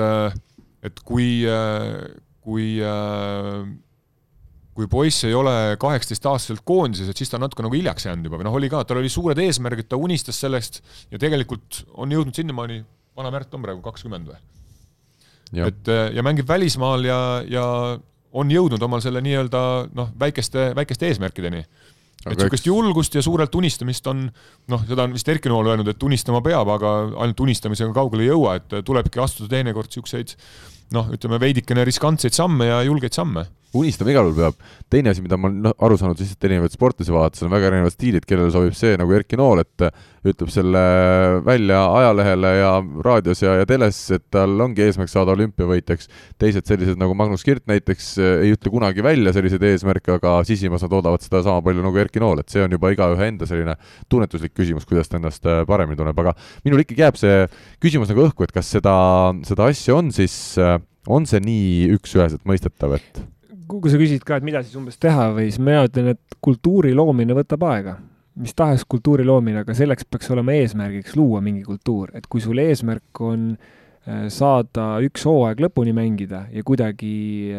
mingid tüübid kuidagi komplekteeritud niimoodi pooljuhuslikult, siis sellega sa nagu kultuuri ei loo niimoodi, et sul, sul peaks olema eesmärgistatud tegevus, et ma tahangi luua mis iganes spordialal, ma tahan luua seda spordiala kultuuri. Ja see on eh, klubi püramiidi küsimus, aga see on ka laiemalt eh, mis sõnumeid sa, sa välja, välja kannad vastavalt spordialalt ja kuidas sa lood selle keskkonna, et on see siis noh, ma ei tea, mängijatel karjääri planeerimine, et on neil klubides inimesed, kes, kellele nad saavad toetuda, noh, ütleme, meil on kõikidel spordialadel tekkinud juba taastatud Eesti Äh, vabariigis äh, sel ajal koondistes tipptasemel mänginud äh, ja siis hiljem treenerina tööle läinud inimesi, kelle, kelle ja kes ka välismaal on mänginud,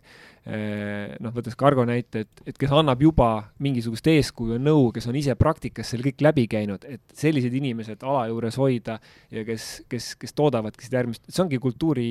kultuurikiht, et et noh, on see siis, noh, võrkpallis on väga palju ka neid nii-öelda äh, Äh, lapsevanemaid, kes on toonud oma lapsed trenni, kellest on saanud tänaseks tippmängijad ja võib-olla noh, ka see toodab, aga see on, nagu ka siin Argo mitu korda on öelnud, noorte kasvatamise juures, et see on pikk protsess, et siin ei olegi mingit sellist lahendust, et põks, teeme nüüd mingisuguse ühe asja, imerelv ja siis hakkame, et see on pikk süsteemne kultuuri loomine, ma ütleks saade hakkab läbi saama, Alar, Argo, Mihkel, ma ei tea, meil on siin ka välismaal nüüd hakanud vaikselt hooajad pihta, me lihtsalt paratamatult täna kõiki teemasid ei jõudnud võtta, aga kas võib-olla mõnele välismaal mängivale või treenerina töötavale eestlasele on äh, sõnum siin raadio vahendusel edastada? Äh, mul on ainult nii palju, et äh, tehke korralikult tööd, pange hästi ja näen siin Poolas, Saksamaal, kus iganes, et Eestiga seotud inimestel on väga reaalne šanss, et tulevad väga ilusad hooajad ja kõik praegu on veel nii algusjärgus, et äh, ettevalmistused on tehtud ja pika-pika hooaja käigus me hakkame nägema, kellel kuidas läheb. kuidas Reneel see Türgi värk tundub? Äh, vaatame, sellepärast et äh, näha on, et ta peab hakkama seal päris palju ise tegema. et kui palju tuleb teistelt abi, nii ja naa, aga teistpidi on Reneel puhtalt Türgis võimalus ise teha ja sellega silma jääda ja sealt järgmine samm edasi liikuda jälle tervitame Reneed, loodetavasti ta ei ole minu peale pahane, ükskõik mida ma täna saates ka ei öelnud, Rahvaliigast me täna rääkida ei jõudnud, nii et ma usun, et Rene oli ka rahul, et kaks tundi ja, ja rohkemgi sai võrkpalliteemadel arutatud. aitäh teile, mehed, ja kuulajatele ütleme siis äh, nädala pärast äh, kuuleme jälle, aga vahelduseks võtke lahti Võrkpalli24 portaal, vaadake sealt eilset uudist, kus siis äh, oli seitse huvitavat detaili Tartu Bigbanki kohta või selle euromängu kohta ja vaadake seal siis, milline nägi välja ühel toredal meistrite liiga äh, kodulehel paikneval fotol Argo Meresaar. kui te Ruub-, Rubiku kuubikut olete näinud, siis midagi sarnast vaatab teile vastu sealt Argo, tahad sa kommenteerida seda? oli see ei olnud nii hull. ma loodan, et sa valimistele samad pilti ei pannud üles, sest muidu keegi ei tea seda, keda nad valima peavad. valimistel on, on rohkem kollast seal pildi peal Nende kollaste sõnumitega võtame saate kokku, aitäh teile ja kohtume jälle! Eesti kõige põnevamad podcastid on Delfis, kuula tasku.delfi.ee